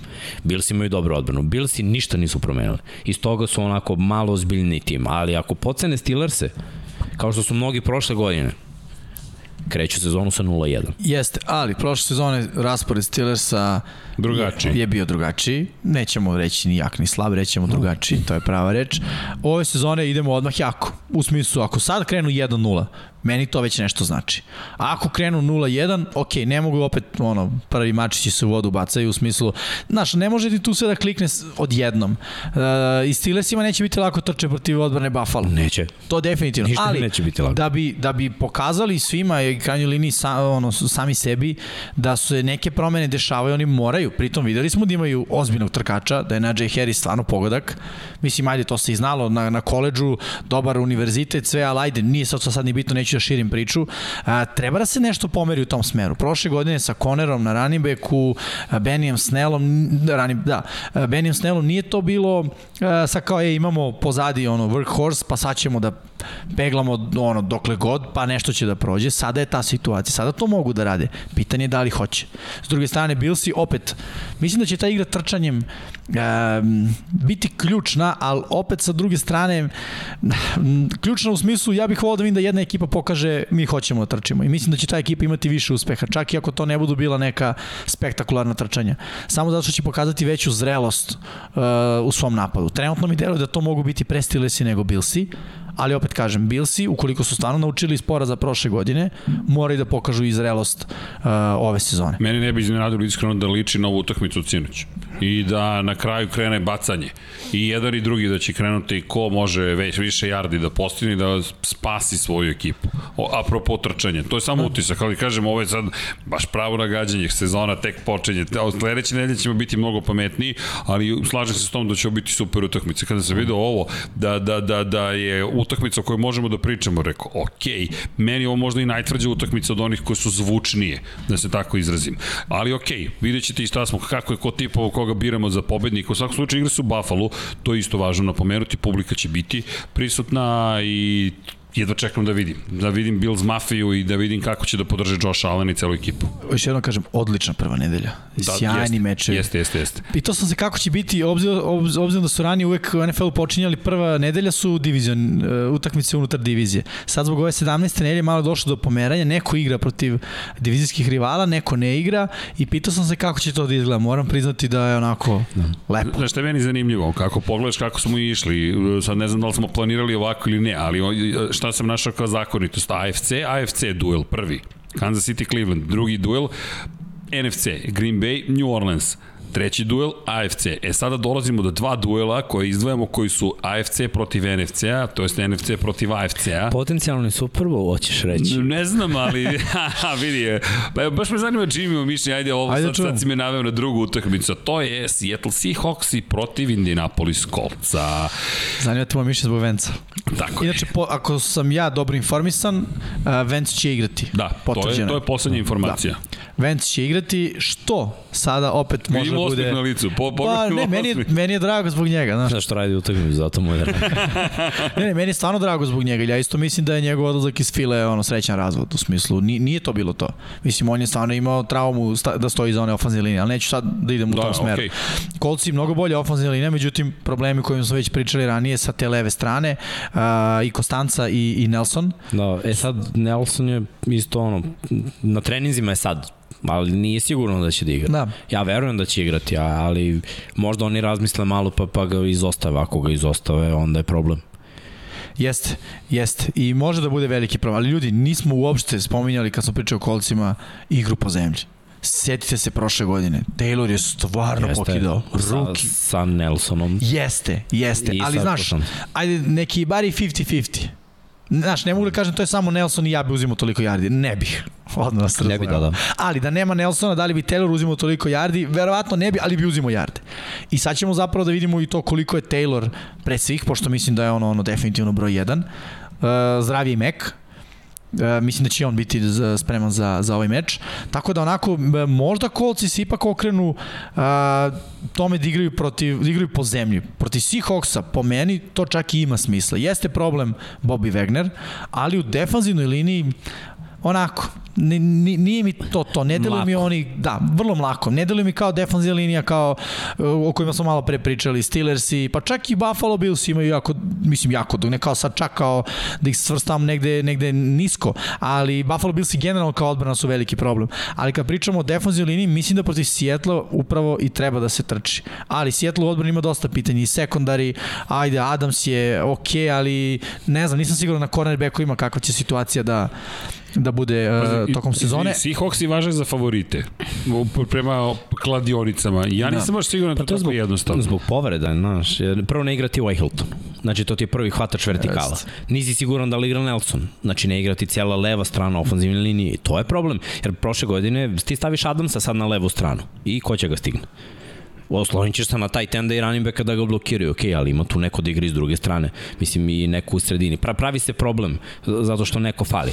Opet dođemo do odbrane gde kolci imaju brutalnu odbranu, ali Seahawks se to ne zanima jer oni isto imaju problem sa igrom trčanjem. Oni će ono malo da počnu trčanjem i onda Russell preuzima, a Russell u septembru igra jako dobro. Ja ne znam, godinu kad Russell nije otvorio u septembru da, da, da budu bar tri pobjede od četiri utakmice. I ja i mislim da, da će i ovo kolo tako da prođe. Da, da, da njihova ideja Russell Wilson Superman, Russell Wilson one man band i vodi ove trupe zajedno sa sobom. Mislim, ta, tako mi nekako deluje. Za kolce se jako plašim, pročitao sam nešto za Vence i to treba reći. Lepo si krenuo, da ono, je srećan razvod. Uh, za sve te godine koji igra u Fili, nije igrao nijenu playoff utakmicu, a oni su igrali šest utakmica u playoffu. Znači, dečko ne može da završi mm. sezonu, Duna jači vetar, on je povređen. Mislim, kako će onda da, da, da izdrži mislim, pritiske da, da dobija batine ako je ofanzivna linija u problemu? Tako da mora tu dobro, ovde je bukvalno pitanje game plan, koji trener će se bolje prilagoditi. Seattle ima novog ofanzivnog koordinatora. Ja nemam pojma kako on čovek vidi Seattle. Nismo videli u predsezoni, to ono što ti kažeš. Znači, nismo videli ne kako znam. on vidi Seattle sa Russellom, da li je prikrivao ili lupao neke akcije u predsezoni, čisto da vidi šta može bilo ko individualno da uradi. Možda vidimo Seattle koji trči 50 puta na ovoj utakmici, mi ne znamo, oni imaju bekove, sad je tu Penny, vratio se Carson prvo kolo, zdravi su, što ne bi trčali. Ja mislim, da mogu, trčati. Tako je, mogu da probaju, pa play action, pa Russell Wilson. S druge strane, ja mislim da to moraju kolci da rade. Jer ako bude ono ili ovo, ili shotgun sa Vencom, mogu da se pozdrave sa ovom sezonom. Dobro, Frank Reich, inače početci sezonama nisu baš najbolji kada pogledaš statistiku, ali to je statistika. Ne Prošle godine za njih po meni najgora bila prva utakmica. Izgubio si od Jacksa koji ima to bila jedina pobeda. Bravo sa onim rosterom koji je bio, svi su bili zdravi. I sa Filipom Riversom, Jeste. koji, znaš, kad dobije playbook, siguran sam da ga sažvaće vrlo brzo. Znaš, Vencu će trebati malo više da se prilagodi tome. Mislim, možda i neće, možda su oni odavno znali da će da se sve to desi, ali u svakom slučaju hoću da kažem da da, on uzimajući obzir sve to, ne znam, ono za kolce, ovo može da bude dobar mečap. U smislu, uh, Seattle je prilično bušan u odbrani. Tako I je. može da se pobedi u odbrani. E sad je pitanje ono, sa druge strane lopte šta će se desiti? Dobra odbrana kolca, ali Russell Wilson, play action, Carson koji deluje zdravo i deluje dobro, pričao sam o tome ono da sam prati, pratim ga na, na društvenim mrežama, promenio režim treninga, trenira sam neke ono, lude vežbe radi u smislu priprema svoje telo uh, za, za, za futbal, ne sprema ga za ono dizanje tegova. Mislim kao što sad većina profesionalnih sportista i radi. Ali vidit ćemo da li će to da uradi plodom, da li će Carson biti zdrav, da li će moći da ono nosi opterećenje tokom cele sezone, za ovu prvu nedelju ja se nadam da će moći I opet ono, sa druge strane, kaže, meni je to bolji mečap. Napad Sjetla protiv odbrane kolca. S druge strane, nekako dajem prednost kolcima, ali opet Carson Wentz mi je znak pitanja. E, ali meni mislim da je bitan faktor u celoj priči kome ova utakmica više znači. Ukoliko kolci pobede, mislim da to može da bude mnogo važno za njihovu sezonu. Poraz, pa poraz, ok, ako se desi, desio se kao da si flatline, ali pitanje i kako će ekipa da, re, da reaguje na, na Carsona Venca, ali ako pobediš, ako ti ovde pokreneš svoju sezonu pobedom protiv Sijetla, koji još stiže kao favorit, znaš, moj utisak je to može mnogo da učini za moral Indianapolis Colts. Ali kolci mogu da se povade tu i tamo, igraju u jadnoj diviziji. A šta to, će Sijetla ako izgubi?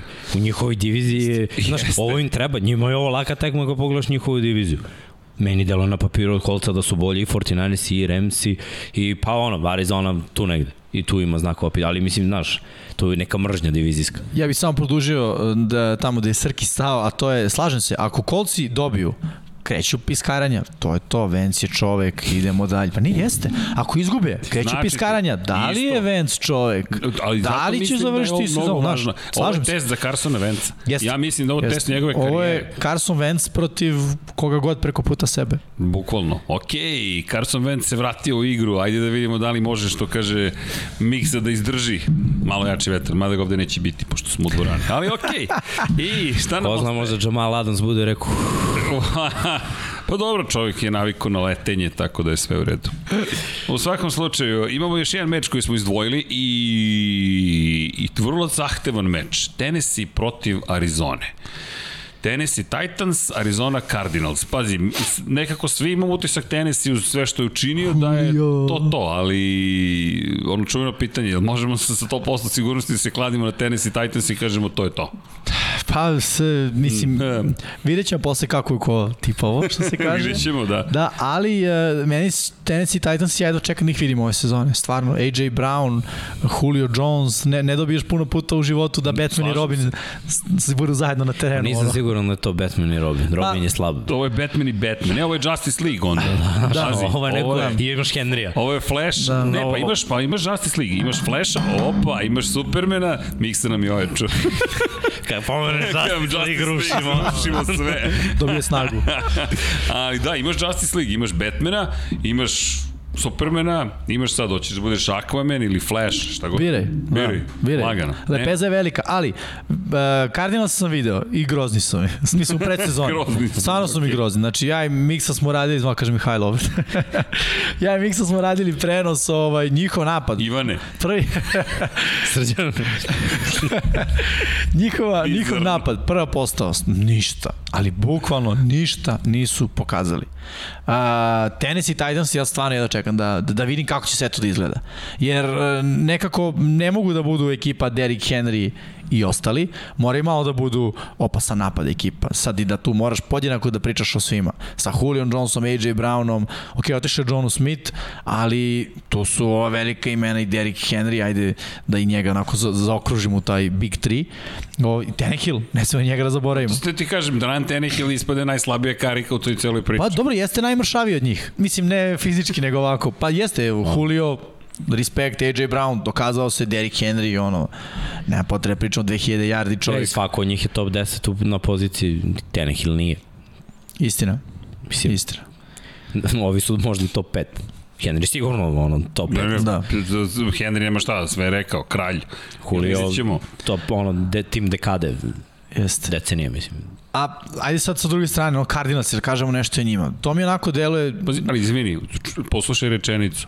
Ajde da kažemo nešto i o njima. Pa mislim, ne, ne, ja ih ne otpisujem, jer su oni grozna ali, ekipa. Ali kad pogledaš ovo sa leve strane Tennessee, šta Da. sve ima u ovoj grupi, koje, koje, koja se ekipa tu okupila. Naravno, ovo je uvijek pitanje da li će ta ekipa zaista bude funkcionalna, to ne znamo, ali... Pa vidit će se, ja ne mislim može, da hoće. vidi, ne, velikani su, po mojem mišljenju su to veli, pogotovo Julio, pazi, to je... Nije samo ni igrač priča, ovde i trener i kultura Jeste. priča. Jeste. Vrabel je došao i stvorio kulturu. Jeste. A Julio je čovek koji je, ajde da kažemo, zna ka, kako da se snađe u toj kulturi. On, dečko, ćuti i radi i, i tako je došao do, do, ove, do svoje karijere koja je brutalna. Mislim, on za 10 ili 11 godina koliko igramo brutalnu statistiku.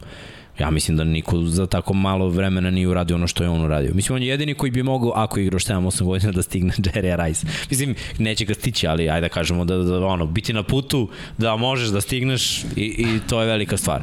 Ali Tennessee ima drugi problem koji bi mogao Arizoni da odgovara. Zato je ova utakmica ima znak pitanja onako, moglo bi da se desi. Tennessee je šupalj odbrane. Mislim, i, i to moramo da, da, da razumemo. Ima, ima tu falinke na sve strane. Neki timovi su našli rešenje kako da igraju protiv njih. Ja nisam siguran Ali... da će Arizona naći taj recept i kao, e, mi ćemo da odigramo protiv njih. Ali način postoji, mislim, Tennessee nije neki tim kao nepobediv tim. Tenis da, izgubio mnogo oni puta prošle godine. novi, dosta, ima tu novih ljudi u odbrani koji ti ne znaš kako će Izgubili su igrati. neke najveće zvezde u sekundariju. Jeste. Oni su se odrekli nekih svojih pikova zvezda zbog Bokepa u posljednje dve godine. Izgubili su četiri startera. Safety-a, obojicu cornerbackova Adore Jackson uh, i, i šta god je igrao i šta otišao u, Giant, u Giants, što igrao i... E, znam, znam, znam. Stao mi je mozak i prošli put sam zaboravio da. u, ko, ali, znaš, ve, veliki broj izgubljenih igrača u sekundaru i sad to pokušavaš da nadomestiš, ovamo imaš Deandre Hopkins i neko bi mogao da proradi. Ali imaš Deandre Hopkins na kraju dana. Mislim, to ono što te da kažem malo pre.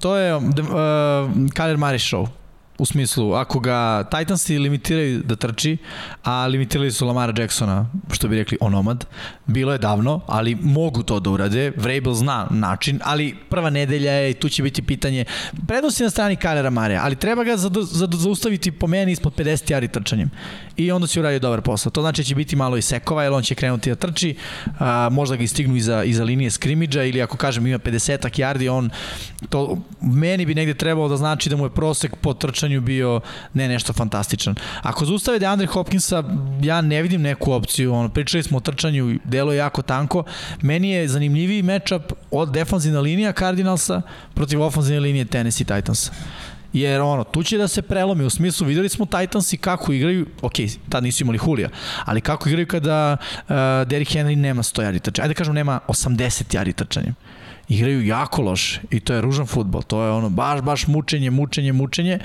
E sad, taj front seven uh, Cardinalsa koji mi je bio prilično simpatičan, a nisam video ni JJ Vota uh, sa jedne strane i pomozi mi sa druge strane. Da, Chandlera Jonesa sa, sa druge strane, nismo ih videli u predsezoni, ali delovali su onako pristojno. Simons, prošlogodišnji ruki, je delovao jako dobro, tako da onako mislim da će tu biti ključ Znači, napad Tennessee protiv te, te defanzivne linije i generalno tog front sevena Arizona Cardinalsa, a dokle napad ono Arizoni će biti oni su meni onako copy-paste Seattle Seahawksa tu su, ali ono muka za gledanje, osim ako nisi njihov fan pa se nadaš non stop da će nešto biti Na, na kraju dana dođe smo do toga da tenis i tu zapravo je... Pa onako miriše, da. da pa, pa da, bolje. favorit. Da, ali, ali ono... Ali treba izdvojiti... Ne znam što izdvoji smo ovu utakmicu. Ja mislim da je treba izdvojiti. Ne znam sad ovako, ali ja mislim da je treba izdvojiti. Ne bih...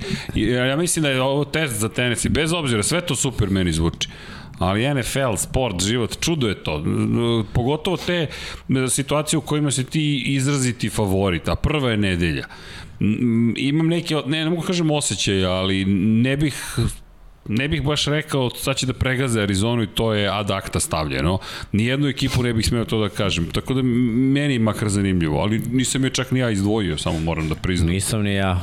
Ej, sad nije niko. Nije niko, na vezu. Opet Sama Vanja je izvo, izdvojio i nestao u Vanja je predložio, da. Ali da, ali ja mislim da tu ima neke priče. Nešto tu miriše na neku priču. Ima naravno još mnogo utakmica, proći ćemo kroz sve njih onako brzo, ali Bucks i Cowboys 31-29 prva pobjeda za Bakse, Cowboysi pokazali da imaju čemu da se nadaju da te citiram, parafraziram.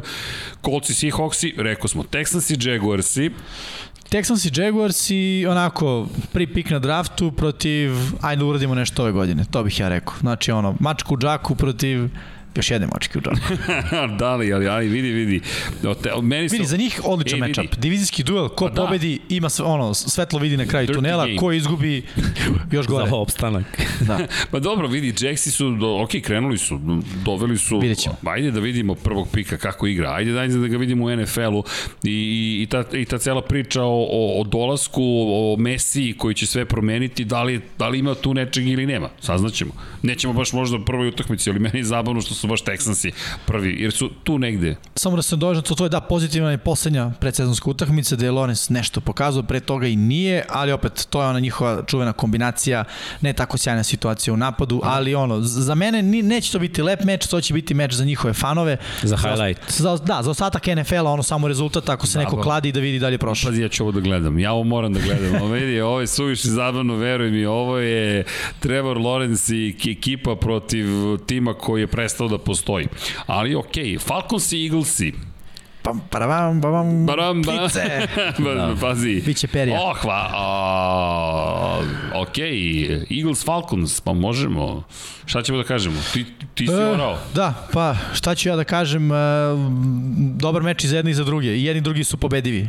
I opet ono, ne igraju Eaglesi i Chiefsi, ne igraju Falconsi protiv, uh, pa sad ne znam koga bi još izove, kao Cleveland Brownsa recimo, pa kažeš, ok, bit će ovo ono, gaženje za jedne i druge, za, za jedne i za druge.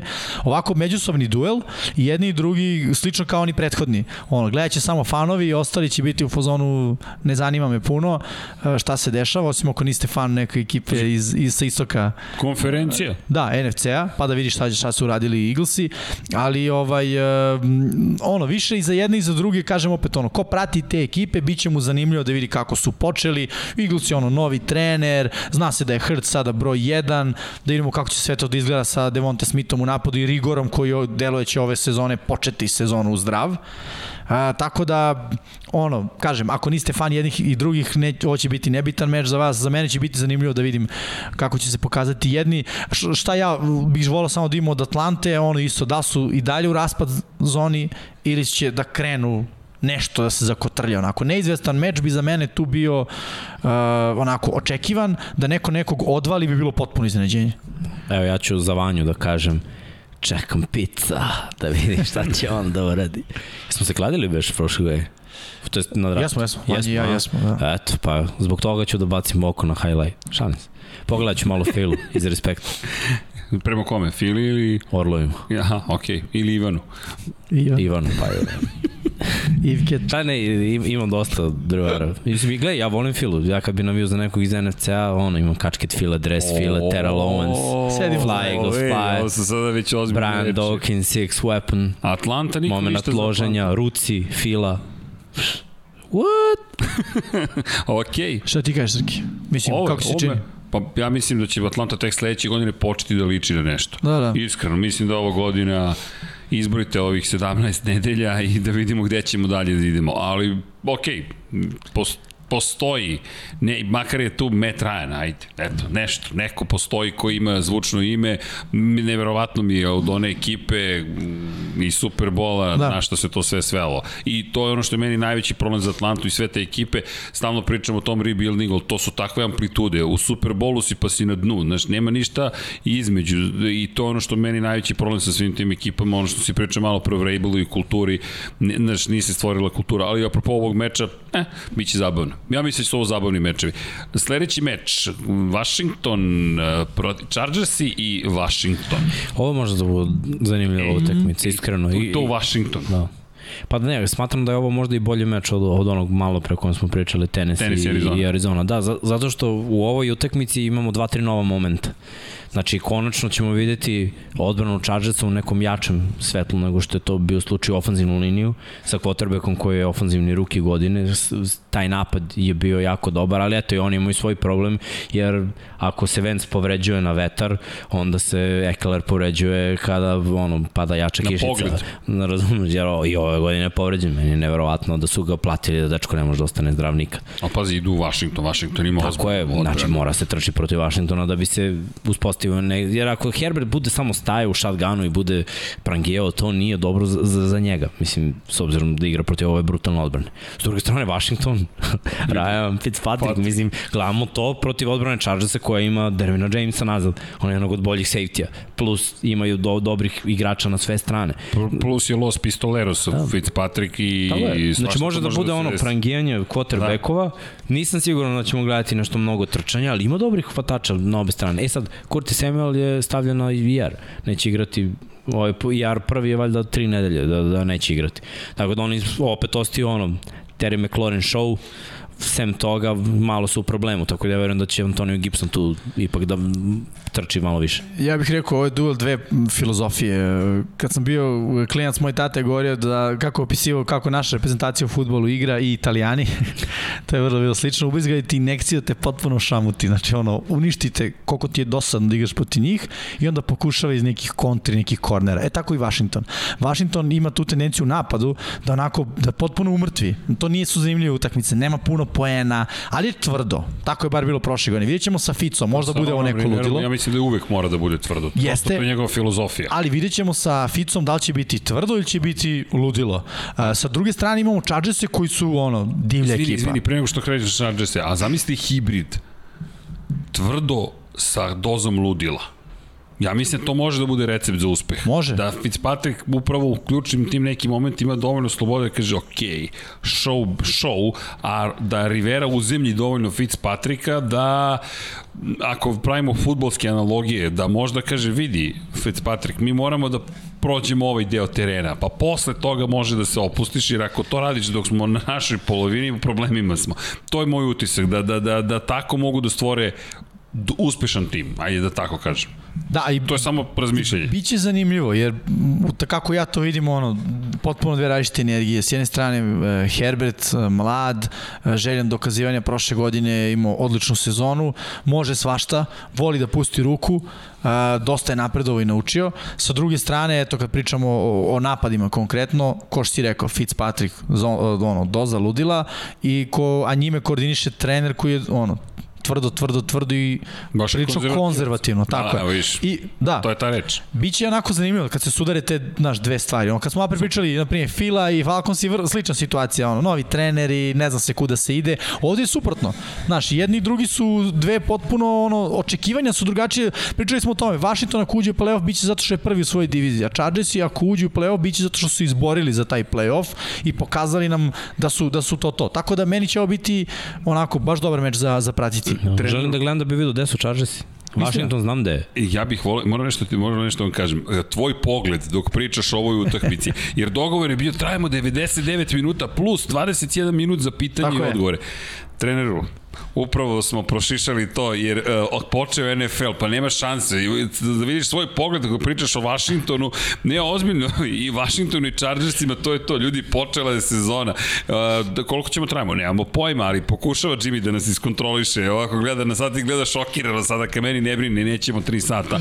Ali prosto to je ta ljubav o kojoj pričamo. I, ka, i, i ja ti kažem, juče, sinoć, treba da se spava, da, treba da se spava 3 sata makar, ma kakvo spavanje, ej bre, počela NFL sezona, meni je to uzbudljivo, pogledaj čemu mi pričamo, Washington je li Chargersi, da li kod njih ima neku ozbiljnu šansu ove godine da ne znam šta uradi u play-offu, ja Chargersi ne vidim. Pre nego Washington, ali... Pre nego Washington. Ali pazi, u ovom meču ćemo baš da dobijemo ono odgovor na pitanje da li umeju da igraju na nepoznatoj teritoriji jedni drugi. Još jedna stvar, ide, na stadion sada koji će biti pun.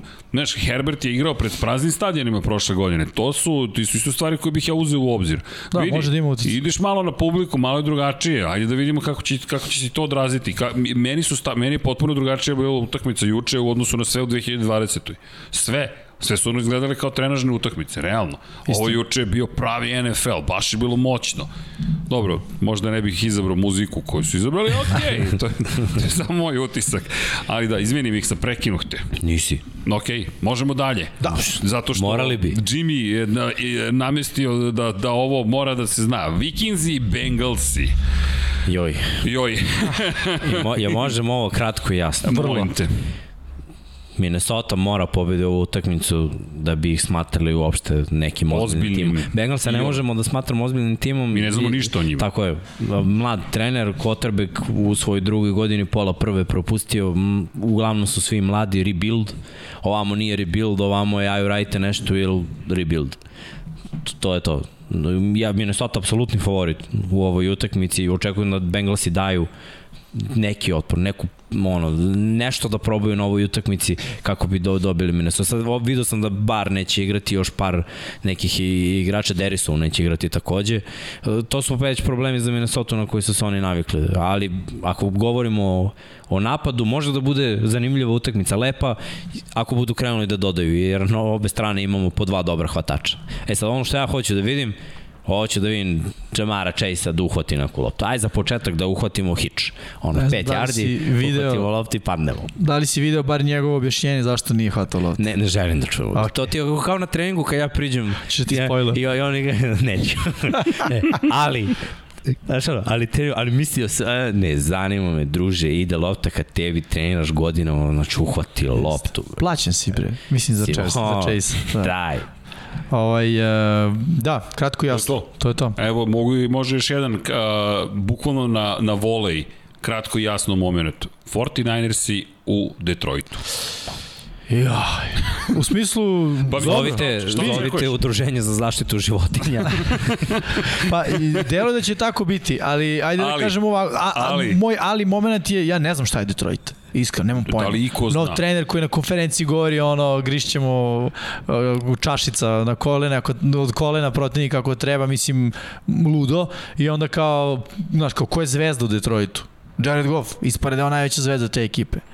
I onda si tu staneš i počešeš kao, dobro, kako je to ekipa da je ono Jared Goff najveće ime, mislim, stvori svo poštovanje za njega, ali mora malo da se zapitaš.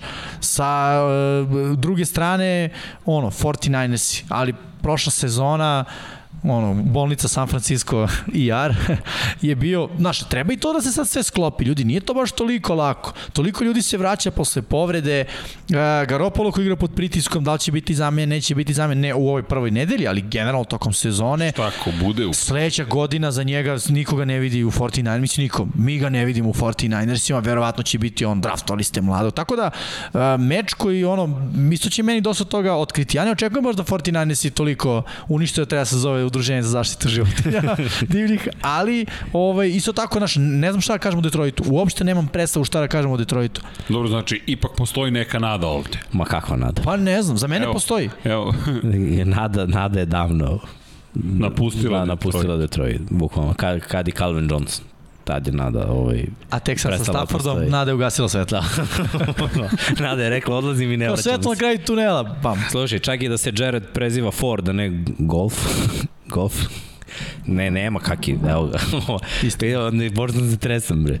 Ovaj, ne ide, ne ide, stvarno ne ide. 49ersi, ja verujem da ćemo vidjeti Treja Lensa, zato što će biti velika razlika i da će on moći da igra. 49ersi su na misiji prošle godine, nakon svega toga, ja mislim da je njima onako preko glave svega i da žele da, da si stresu na nekom, onako, baš da si stresu. Što kad si nervozan pa dođeš A misliš to će da bude šta? Tuča na nivou, ok, e, ima Dobro što frustracija. ti završio miksa. Da, ne, ne, pokušavam da ga prekinem, Ja- vidiš, jo, šta? otišli smo Ne moraš, ne moraš kaže, da dođeš na trening. trening, udaraš džak. Da, smo, dođeš sve na se trening, udaraš džak. Savršeno Ali džak ne može ti E, ljudi, nije ni pola dva- jedan- 11. Taman je, taman je. Jimmy ima svoj tempo. Kontrola. Okay. Sledeći put nosi Okej. pištaljku. Kao na E, treningu, izviznem. Kad je kraj. Ej, mi segmenta. zvonce, nestalo Ne mi treba zvonce, bre, pištaljka, to je ono što nam treba. Pištaljka, ok, to, šta šta? Zvonce, tu je negde. Naći ćemo ga. Jo, Ispod knjige. Jao, opa. Daj to. Da je on ono. trener to. Daj treneru, coach, idemo. Ajmo, sledeće. Bang! Dakle, sledeće kad smo već krenuli tim putem, sledeće su Ne, ovo smo sve prošli, Sve prošli. molim vas, Da. kolega. pa Cardinals i Titansi. Sledeći najvažniji duel koji imamo u, u nedelji broj 1. Jetsi posećuju Karolinu, tako da... Sam Darnold.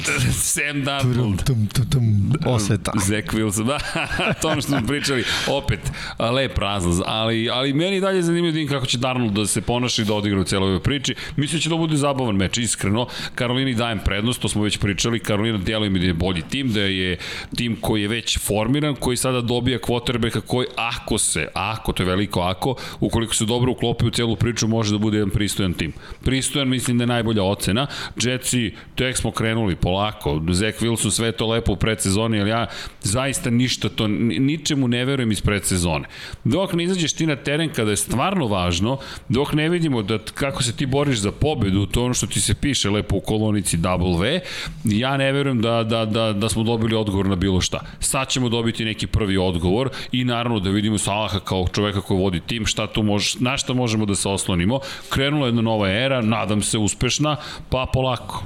Ali ima tu dosta problema, evo, Jamison Crowder ne igra. Kill and call, game time decision, ali verovatno out. Verovatno I to su dva hvatača. I, znaš, sad, sad je već problem, pa šta ostavljaš tom dečku? ništa. E, ali, Isto što i Da. Darnold imao. o, nije, Pa da, nije. a očekuješ drugi rezultat. Nije baš. Playbook je drugačiji, filozofija je drugačija što se tiče Jetsa.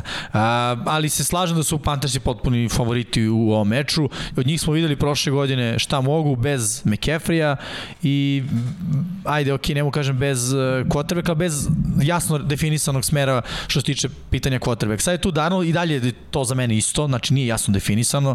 Znamo svi da je Darnold na, na misiji, da je to ova sezona kad se lomi, što se mene tiče možda čak i NFL, da li, da li ono, igra futbal ili ide na LinkedIn da traži posao. ili će biti rezerva. Negde će da sedi ne, večer. ne, ne znam, nije mi on vredan kao rezerva, iskreno, znaš. Nije kao sad kao on ima iskustva, nije on Josh McCown, pa kao sad tu je u NFL-u već 12 godina, niko ne zna kako, ali tu je 12 godina, pa kao ajde, potpiši ga, to je neko iskustvo, bar neka bude u, u uvu starteru.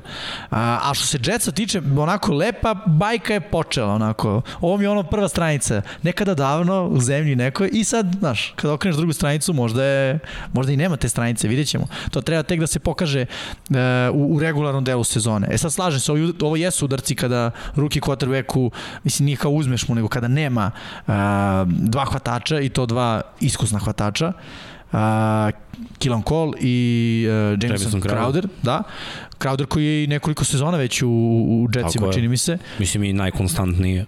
I Tako je. Sad ostane Corey Davis. Jeste, ali igra trčanja je bila lepa za, za Jetse. E, ideja da se ono, da ostavi dodatno taj tend u protekciji, da se zaštiti e, Novajlija, mislim na, na Wilsona, je za mene isto onako dobra stvar. I to ono, forsiranje trčanja, play action. To će ličiti dosta na 49ers i na njihovu filozofiju. E sad, nije to taj talent, slažem se, ali mislim da je to dobar, dobar start, onako. Jednostavan playbook u smislu e, napuni boks, da, trčat ćemo, ali ono, idemo na mišiće. Mislim, zadaci su jednostavni, ajde da ne pravimo greške. Ali opet ono, meč po meni ono, bitan samo za navijače Jetsa, a što se Karoline tiče, mislim da je onako solidno bitan za NFC, jer pričali smo, Karolinu možemo da i da zamislimo u play-offu ukoliko se dese neke druge stvari, mislim da neće biti u potpunosti oni gospodari svoje sudbine, morat će tu malo i... Teško, ali šansa postoji. Tako Kod je. Jetsa ni ne postoji. Jest, Po svemu mislim, što smo vidjeli. Nažalost, Da. da. ali ne postoji. I virtualno zvonce je krenulo. E, idemo dalje. Broncosi i Giantsi. Meni je ovo super zanimljiv meč, iskreno. Što ovo nismo stavili? Ne znam. ja sam hteo, ali Pa možeš i Dolphins, Patri, Patriots takođe da staviš. To I sam i napisao tamo. Jeste. Jeste. Ali, Ali, Broncos i Giants je nisam. I sad mi je žao što nisam. Ovo možda bude baš dobro. Danny Dimes. Da, ja mislim da će ovo biti tvrdo. Da će biti prava tvrda utakmica. Pazi, da igraju Danny Dimes i Lok. Au. Dvoboj, dvoboj famlo. I interception. Da, ali o, meni će ovo biti, a mislim da će ovo biti, neće, ovo će biti viši nivo od Houstona i Jacksonvilla, ali taj odnos snaga u kontekstu da će mi biti krajnje zanimljivo da vidim šta će se ovdje desiti. Srki, da Broncos igraju u istočnoj diviziji NFC-a bili bi kandidati za playoff. Samo Sigurno. što da ti kažem. E, što dovoljno govori o celoj priči. Ali s druge strane, da Giants, Šta ću ti kažem? ali sa druge strane, da Giants igraju u diviziji Broncosa sa Chiefsima i Chargersima, mislim da ne bi Bili bi pričali. favoriti, šta? Pa ne bi pričali o play-offu i, ne i Giants. pričali o njima uopšte. Pa, spomenuli bismo ih, ali mislim da ne bismo pričali kao njima. Recimo, ja sam rekao su oni najozbiljnija ekipa na istoku NFC-a. Ali što se ovog meča tiče, uh, ono, jedni i drugi je, o, za jedni i za drugi je ovo, ono, eto, sad se dokaži. Sad su, ono, uh, brojčanici setovani na nulu, Evo, za, Daniel, za Daniela Jonesa, evo izvoli, imaš šta, šta god hoćeš u napadu. Imaš i Barkleya, imaš i hvatače, i taj tendove, ono, pozornica je tvoja, pokloni se i počni. Što se Denvera tiče, e, počeli smo nešto, napunili smo se sa hvatačima, imamo veterana na poziciji quarterbacka koji se onako dokazao, imao je problema sa povredama, ali svi znaju šta će dobiti od Tedija Bridgewatera, nije znak pitanja. I odbrana koja deluje onako lepo. Ozbiljno. No, Melvin Gordon. Baš lepo. Ja bih rekao lepo. Baš ozbiljno deluje onako zrelo, a lepo deluje onako, znaš, mlado i lepo. Obećava. Tako je. I onako dva jaka running backa na obe strane. Sekon Barkley, Melvin Gordon. Znaš, može da bude trčanja na obe strane. Ja, I, i utakmice, ofanzivne linije su napravljene da se trči. I jedna i druga. Iako, naravno, očekujemo neka dodavanja. Kao, Citirat ću te, ovo će biti za highlights. Ovo će biti za highlights utakmice. Nije, o- o- ovo- baš lepo. Ne, ne, dobre da highlights gleda. da ćemo videti, da će to trajati. Kad iseknu Ovo ti je najbolji ga, moment. game in 40. Može, može, može, to je još bolje. Ovo treba da može. pogledaš. može, može, Gaming 40, dobro je. Imamo neke nove ideje, očigledno. Idemo dalje. Bing! O, kako je ovo uhodana već ekipa. Dolphins, uh, Patriots. Lep meč, ali mislim da ga nismo stavili zbog ono pitanje Tua, da li je, nije, ono, pravo je odgovor za, za Dolphins i sa stvari za Meka Čekaj, ovo je Jonesa. mnogo bitan meč u Pa istoku. jeste, U mislim, istoriji, bre, ovo bitan meč u obe franšize. Jeste. Ovde Jeste. može sve da se malo... Mislim, ja verujem da zbog toga, ovo se prenosi na sport klubu. Ja verujem zbog tog istorijskog momenta. Jer ovde bi moglo da se desi novo lice franšize i za jedne i za druge. Mislim, mi ne meni ne delu da je tu, ali možda, možda bude Mac bi moglo da bude. Obećava. Znaš, ekipe, ako neko od ove dve ekipe uđe u playoff, to je početak nečega. A može da se desi, jer imaju ono, overall talent i jedni i drugi. Može da bude još i pa, još mržnja i Miami uvek skine skalp New Englandu i u onoj eri kad su bili mnogo dobri, tako da ono i u ovoj eri to može da se desi. Sad, ja mislim da, da će biti ono manje pojena, će biti ono velika važnost tuča, ono sve bitno, specijalni tim takođe, uh, dosta, Vidi, dosta trčanja na obe strane. Jonesa kako, kako započinje karijeru kao patriota. Pazi, njega porede sa Tomom Bradyem ni manje ni više. To, to ti je nezahvalna uloga po, po defaultno stanje. Prvi meč u životu i ti si novi Tom Brady. Okej. Okay. Jeste. I teret, mislim, ono, koliko je lepo, toliko je s druge strane i A teško. to to? I na drugoj strani teret, mislim, draftovan si visoko, Jeste. godinu dana i ništa, dali smo ti sve moguće šanse, evo ti oružje, doveli smo ti sve što si teo, doveli smo ti tvog saigrača s koleđa, mislim, ono, A prvi produce. test ti je Žilet stadion. ja razumeš? ne znam, ba, baš ima ono, pritiska i sad dobro neko će ovde da poklekne, neko će, znaš, da, da, da napravi iskorak taj i da vidimo gde i šta je. Stvarno, stvarno dobra utakmica. Ima toliko ono, stvari ko, u koje ne bi zalazio, ali stvarno dobra utakmica. Supreme Commander je rekao, je to zato ta majica? Supreme Commander je rekao, idemo dalje. Browns i Chiefs i pričali smo, Bersi posećuju Los Angeles, Chicago protiv LA Ramsa. Samo ne znam što je ovo Sunday night. Od svega što smo mogli da gledamo kao Sunday night. stadiona, ja Samo Zbog zbog Los stadiona. Angeles. Da. Pa nego ne. šta zbog Los Angeles. Ali da je Justin Fields quarterback Chicago, ja bih jedva čekao ovaj meč. Ali pošto nije, mislim da će ovo biti ono uh, loš pokušaj osvete Riđa Obradog, to jest Andy Daltona. Mislim da tu ono ne znam, meni Dalton deluje da, je, da, da ima pristup ni ja ne znam šta radim ovde. Mislim ono kao, daj penzionišete me više. Mislim, šalim se sad naravno Ja mislim da karikiram. on traži prosto, pokušava Traži. nešto da učini u karijeri. Vidi. Karijera je pri kraju, Jeste. ovo su poslednji pokušaj. I vidi, on je imao, svi znamo, u Cincinnati imao, imao je imao jedan taj period kada je moglo nešto da se dogodi. Nije se dogodilo, kao da je, pro, kao da, moj utisak je da on veruje da je propustio neke veoma važne prilike. Ali to je to. Ovo, ovo još ova godina, eventualno sledeća nekako i to je to. Jeste, ali znaš šta, napravi paralelu između njega i Kema Newtona. E, koja je razlika? Kem Newton je atleta i on ima povređeno rame bacačke ruke i on ne veruje da je to za njega kraj karijere. Očigledno ceo NFL veruje, pa zato su mu Patriote prošle godine pružile šansu kad niko nije i potpisale ga za Kikiriki, manje više, obzirom da pričamo o igraču koji je bio ono pik prve runde i MVP, Superman. tako je. E, i, i, I ovaj Superman, kao što si rekao. Pa A, jedan od, od, od, od ljudi koji su promenili u krajnjem slučaju pogled na tu poziciju, ako Jest. pogledaš u NFL-u, on je taj u kome se najviše pričalo. Sada je to već postao neki standard, ali Cam je bio Jeste. taj. E sad, gde je paralela sa Andy Daltonom? Mislim da i Andy Dalton ne veruje da je njegovoj karijeri došao kraj, a svi drugi manje više znaju. Dovode ga da bude neki backup, da bude neki mentor mlađim igračima. Mislim da on nije Ali- spreman da se pomeri sa time što je negde logično. Svaki sportista profesionalni najteži korak je da kažeš to je to, više nikad se neću baviti ovim Onim što što volim. obožavam da radim i zašto sam se ceo život spremao. Jer ono, ljudi možda ne daju tako, ali teško je da ti u 30 i nekoj godini kad si realno gledalo mlad, mislim nisi star da Kao si sad čovek si mlad. Jeste, upravo tako. Hvala, brate. Da, da ti u tom trenutku treba kažeš, e, ono što volim da radim, gotovo, sad ću da radim nešto drugo. I mislim da ono Andy i Cam Newton, ne, da je to paralela između njih dvojice, ne mogu da se pomire da je njihovim karijerama došao kraj. Jeste, Kažem, dva su ali- aspekta, Cam Newton igra na fizikaliju, više toga ali, nema, Andy Dalton je igrao na to nešto, sad ne, ne mogu baš da ga definišem u smislu, ali imao je on taj moment, ono, gunslinger, znaš, da on baca mnogo lopti i to, on to više ne može da uradi i e, potuca se po Igra ekipama se koje... promenila, ubrzala se. Jeste, ali pazi, i čak i nije u dobroj situaciji. Znaš, njega da staviš recimo Vidi. u Los Angeles Ramse, bolja priča. Znaš, u Chicagu ono... Kompletni je- kompletna ekipa, ali imaš još jednu stvar. Jeste, postoji paralela između njih, ali imaš i diametralno suprotne pozicije. Andy Dalton nikada nije bio Cam Newton. Nikada. Da, da. Jednostavno, ne, ja ga ne bih poredio po, po ukupnim kvalitetima sa Camom Newtonom. Ni ja, ja sam I samo pravio paralelu to- u to- ome. to- to- ne, Kraj ne, karijere. Ne, ne govorim za tebe, nego gde je problem Andy Daltona. Ti čak ni kroz karijeru nisi mogao da staneš na, na, na to poziciju na kojoj je u jednom trenutku Cam Newton stajao. I A on, nisi pobedio u play-offu, ono, nikad. B- a, ovaj čovjek je bio u Superbolu. Da. I da, bio je to težak Superbol, ali je bio tamo, otišao do velike utakmice, tako da za Andy Daltona mislim da je, da, volao bih da je malo drugačije, ali okej, okay, ajde da vidimo, da li će ga inspirisati nešto naći čudesno, ne vidim to, ali ajde da verujemo u neke lepe priče. Da, ja, jako Negija uopšte ne podržavam i mislim da, da, da on baš upro, da je upropastio Chicago. Ovo je možda i dobra odluka protiv odbrane da- Ramsa da ne igra Fields. Pričali smo o tome prošli put. Ajmo Andy, Ajmo. baci nešto. Baci. Drži loptu dugo. to je to, Jimmy ne posustaje. Packers i Saints i to smo i ostaje nam za kraj. Kako men? Raiders Ja ne znam kako ovo nije bilo izdvojeno. Bilo je priče da će biti. Što neki, Spominjemo. neko je predložio. Da, ništa, Dom Pablo, kadar ovamo, molim.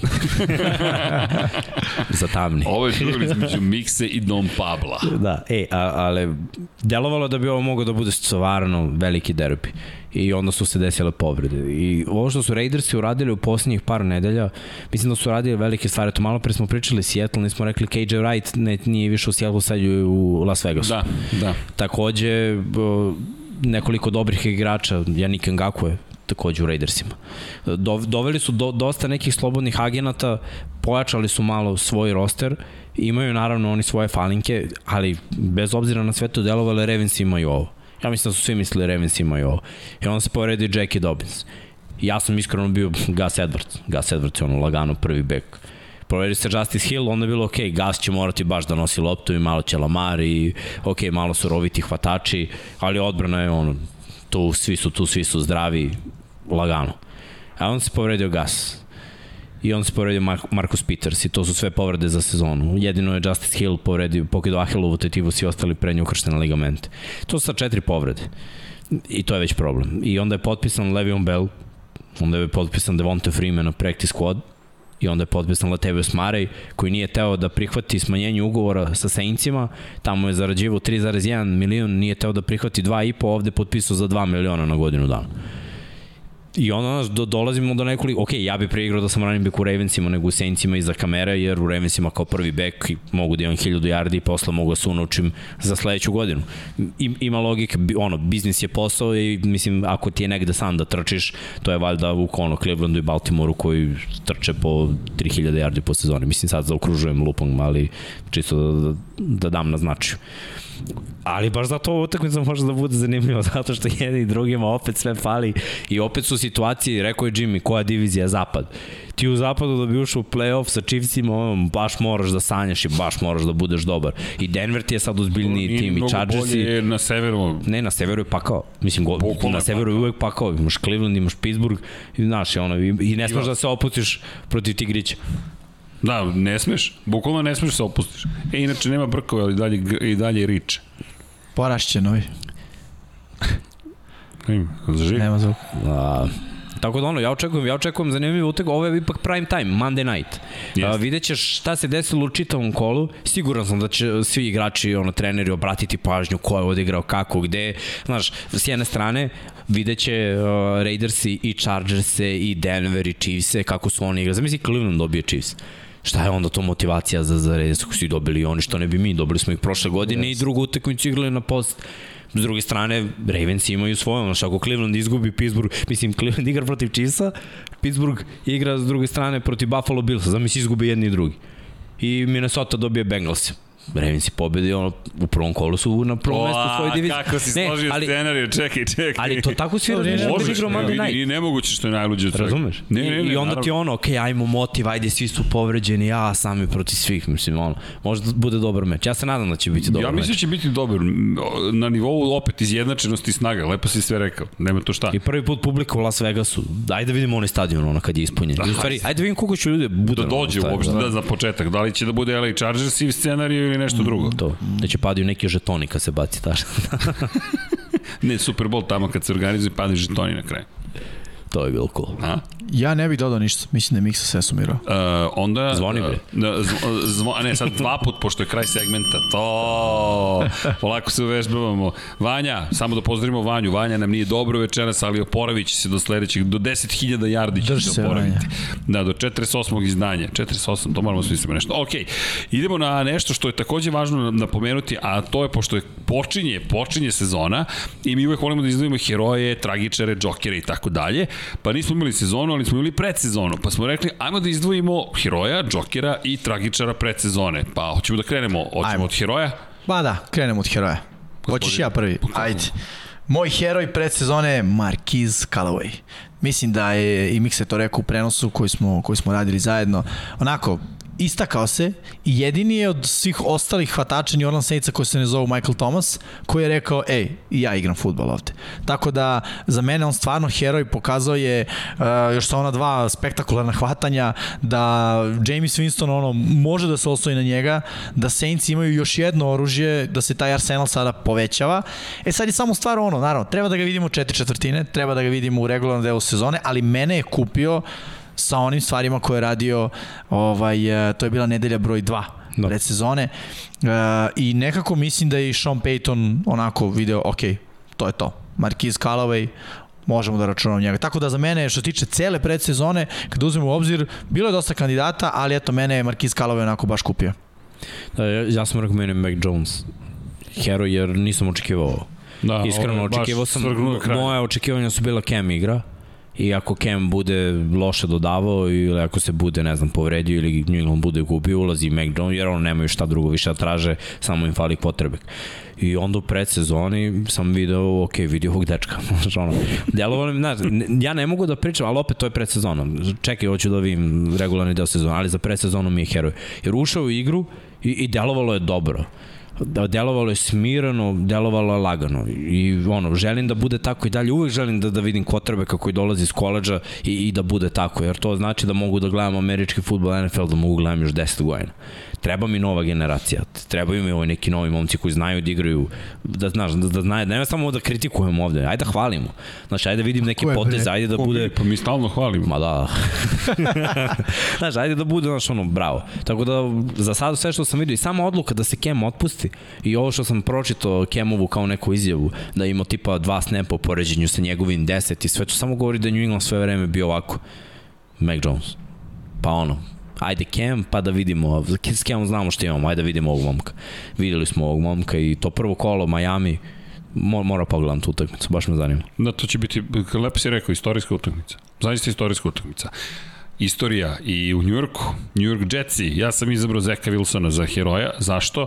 Pa pričali smo i u, u draftu, tokom drafta koji quarterback, bila je cela generacija quarterbackova, međutim, Zach Wilson je ono što si ti Jimmy rekao, da te si bio skeptičan, da ti je pokazao mnogo više nego što si očekivao, ne bih išao dalje od negde citata ili parafraziranja onoga što Tony Romo rekao, nekadašnjih quarterback Dallas Cowboys i sada je jedan od glavnih analitičara u NFL-u, koji je rekao da ima te retke sposobnosti i da je to ono što ga oduševilo zapravo. I kada pogledaš, kaže, ne samo uh, jaku ruku, ima ruku, nego način na koji posmatra igru, viziju koju ima tokom igranja i ono što je istakao jeste to, to njegov izbačaj iz mesta i to je rekao, ljudi, to obično vam treba vremena da se uhodate pod pritiskom, on ima mirne noge i vrlo je precizan u tojim situacijama i baš u poredi sa Joshom Allenom koliko Josh Allen prošle godine napredao po tom pitanju, ovaj momak još nije izašao na teren, tako da to, to su onako ozbiljne reči i sad svi pokušavaju malo i da spuste loptu da ne bi bilo, jel te, previše hajpa, da ne bi bilo previše uzbuđenja, ali činjenica je da je Zach Wilson zaista dobro izgledao. Baš je dobro izgledao, tako da za mene je on heroj s obzirom na činjenicu da eto, Jetsa se ništa ne očekuje, a uvek se nešto očekuje. Ipak si ti u Njurku i tolike decenije već neuspeha, a, a tragedija da ti pogledaš, Jetsi su ušli u finale konferencije pre 10 godina, ali se to i dalje smatra ekipom koja je gubitnička. Tako da ovo može biti uz novog trenera mnogo ozbiljna priča i Zach Wilson se super tu snašao kao jedan klinac, klinac i dalje koji nije odigrao još ni prvu utakmicu, pa evo meni, eto, heroj, malo možda i subjektivno, ali to je to. Zašto ne biti malo subjektivan? Tako je. Ćemo tragičara. Hoćemo od tragičara. Miksa, krenemo od tebe. Pa ajde, mogu ja da budem subjektivan. Kogod je spremao igrače Baltimora sa ovim povredama za čitavu sezonu, treba da bude tragičan. Ili treneri koji su dali takav sistem treniranja da ti se povrede. Sta, ok, Jackie Doman se povredio na utakmici, ali ovo ostalo je trening trening povreda predsezone, dva puta prednju ukršteni i Ahilova nema, nema teorije da je to posao kako treba. Mislim, ono, govorimo stalno o tom nekom load managementu i kako treba pristupiti u ovaj absurd. Mislim, ovo je možda poslednja sezona sa quarterbackom na ruki ugovor, znaš, sve može da se promeni sledeće godine. Ovo je bila ta godina i više nije. I može da bude iznenađenje, može da se desi neka borba, ono, ali moramo da budemo realni. Ovo je ipak ceo backfield. I sad je nova prilika. Sad se gradi iz početka, evo je sezona, tu je, za dva dana. Za dva dana je utakmica. Ozbiljna utakmica. I yes. čitava sezona je puno ozbiljnih utakmica. Tako da je to tragedija. Crki. Meni tragičar, ostajem pri prošlogodišnjim tragedijama, Cam Newton, kraj kraj. I baš je tragedija iz perspektive toga što njegovog zapravo demi leži tragedija, onome što si ti rekao, da on ne može da prihvati činjenicu da je kraj.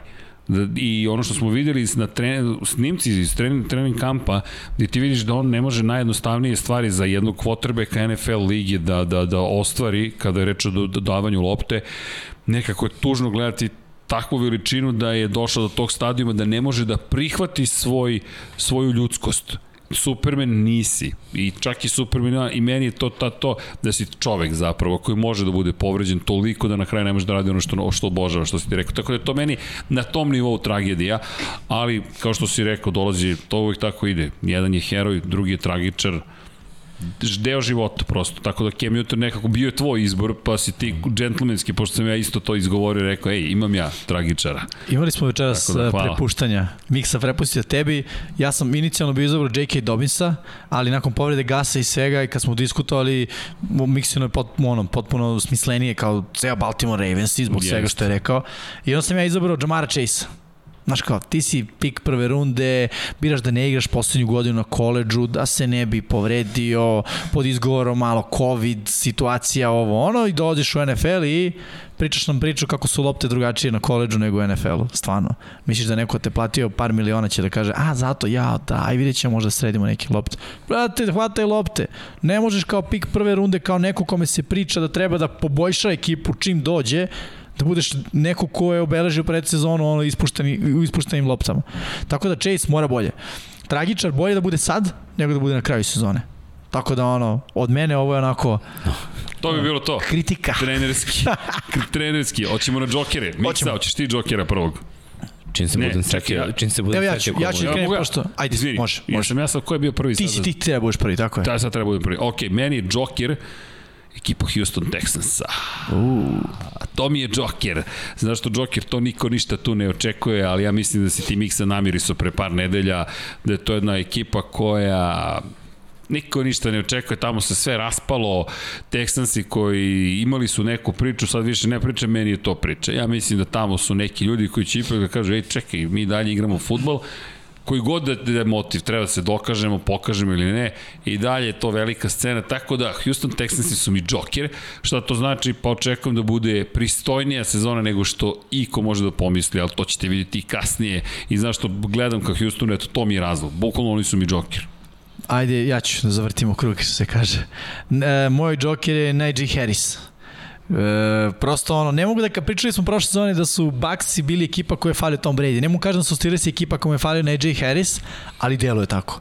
E, nije to fantastična ofanzivna linija za koju mogu i ja da trčim, ali baš onako, ta ofanzivna linija koja može da se složi, hvatački korpus koji na papiru deluje dobro, treba samo malo da kliknu, Big Ben koji je Big Ben i ono, veteran je, znamo šta ćemo dobiti od njega i falilo je to ono, ko je pored u backfieldu, ko može da bude taj. I Najee Harris stvarno deluje da je taj. Ne samo za ovu godinu, nego za sve godine, ja bih rekao, njegove karijere. On mene onako uh, podsjeća na neku, na miks igrača koje sam do sada viđao, ali ono što mene uševlja kod njega je taj nivo neke s jedne strane sam samopouzdanja, s druge strane nije prepotentan, nego onako je relativno skroman momak koji kada priča deluje kao neko ko nije svestan koliko je on zapravo ono, pojačanje Pittsburgh Steelersa. I ono izjava kao, e, teže mi je bilo na Alabami jer je ono i škola i treninzi su duži i sastanci i Saban je ovakav i onakav. Ovde mi je kao, okej, okay, kao da je potpuno nesvestan, znaš, ono je dečko, ti si Gde pro sad, ti si pro sada, ti si sada uzor nekim klincima i sve. To u kojoj ekipi? Tako je. I, kao što si rekao, koje ekipi i njegov potencijal, ja mislim da ono nije nebo, nego kosmos. To, to. Setio sam se. Da. James Winston. Što si tako razočaran? A? Reći ću da samo vidim dobro u ljudima. E, Sad to, ću to, je, sad ću ti kažem, da. Ovaj, ako se desi da ono kako ja vidim kako bi mogla sezona da se odvije, on bi stvarno mogu da bude Joker za Saints. Pratim se posljednje dve sezone. Pre toga, bar 10 sezona drugo imao između 4000 i 5000 yardi sa mnogo većim brojem touchdownova. Sve se nekako malo promenilo i u posljednje dve sezone to je bilo oko 3000 sa, sa bar 10-15 touchdownova manje. Bridgewater ga menjao šest utakmica, prošle godine nije igrao četiri utakmice. Sve je bilo nekako drugačije, ali ekipa je nosila, mislim ovo je timski sport, ipak ekipa nosi. Treba ti dobar quarterback, treba ti neko ko može da poveže, neko ko ima malo više talenta, neko ko može da brže pošalje loptu gde treba. Tyson Hill jednostavno nije to, on je dobar igrač američkog futbola, ali nije dobar quarterback. James Winston nije dobar quarterback, ali ima ima sposobnost da bude to ako, ako može da savlada svoje demone, evo tako ću da kažem. I deluje mi da, da, da Može bi mogao da bude, dobar. Joker, tako je sad kao što strip, ono, u stripu kaže Joker, znaš, mo- može da bude i totalno ludilo za Saints. Jeste. Zato je on moj ispred. Ja se Nice. slažem. Znaš, Nice. nice. Joker je kao kad igraš neku igru s kartama, ono kao, ako iskoristiš dobro, pff, Da. kidaš. A s druge strane možda da završiš sa Jokerom u ruci i da dobiješ puta poena. ono. luda ili Da. Tako je. kraljev savjetnik. Tako je. To, to ti je ono veliko pitanje. Gotovo još jedan Ne, ne, segment. top, top. Aha, da. Molim te, a, idemo na segment naše prognoze. O, Najizvodljiviji segment. Ajmo da vidimo gde mi stojimo sada kada je reč posle svega što smo ispričali. Vanja Srđan Miksa i Pablo. Tampa Bay, Tampa Bay, Tampa Bay, Tampa Bay. Ovo na kraju ispade relativno jednostavno. Filadelfija, Atlanta. Vanja veruje u Ko Atlantu. jedini kontrira? Koji je, zato je pobegao večer. ne mogu da objašnjam. ne, šalim se, Vanja ne beži. Znate zašto Da, da. veruje u Atlantu? Zašto? Pitts. A da, Hoće da, dobije opkladu. da, da, da. Dobro, ja podržavam To je to. fair, to je super. To je super. E, Filadelfiju smo izabrali skoro svi osim Vanje. Ono što je zanimljivo, Jacksonville, Houston, na, naš četvorica biramo Houston i samo jedan čovjek bira Jacksonville. Kakva promena I opet u nije odnosu... Taj čovjek. Lawrence. to, to, to, Vanja veruje mladu, mlađoj struji. to je to. Pitts, Lawrence. Tako Zanimljivo, ali zanimljivo toliko za Houston. Uh, LA Chargersi u poseti Washingtonu. Vanja bira Chargerse kao i Jimmy i ja, Miksa i Dom Pablo za Washington. Auburna. e, iskreno kad pogledam, stvarno Chargersi imaju svoju priču, ali vrlo lako može da se desi da baš ono što si pomenuo, publika, to, to je nešto što fali i To. da li se nije se susreo sa ovakvom odbranom, sa ovakvim pritiskom još Herbert, moglo bi da se desi da, da, da se naš, Ekeler ne igra, meni to, ja kad vidim running backa da nemaju, ja odmah tu ekipu onako stavim veliki znak pitanja i razmišljam, evo druga ekipa ima running back. Mislim da će oni Kelly da igra. Pa Koji je je, izgledao dobro dok je bio zdrav, izgledao ali... je solidno, nije izgledao dobro. Dobro, ali meni je fascinantan taj duel. To ono što smo pričali, Washington, evo pogledaj, opet privlači pažnju ta priča u Washingtonu Jeste. koja, koja se dešava.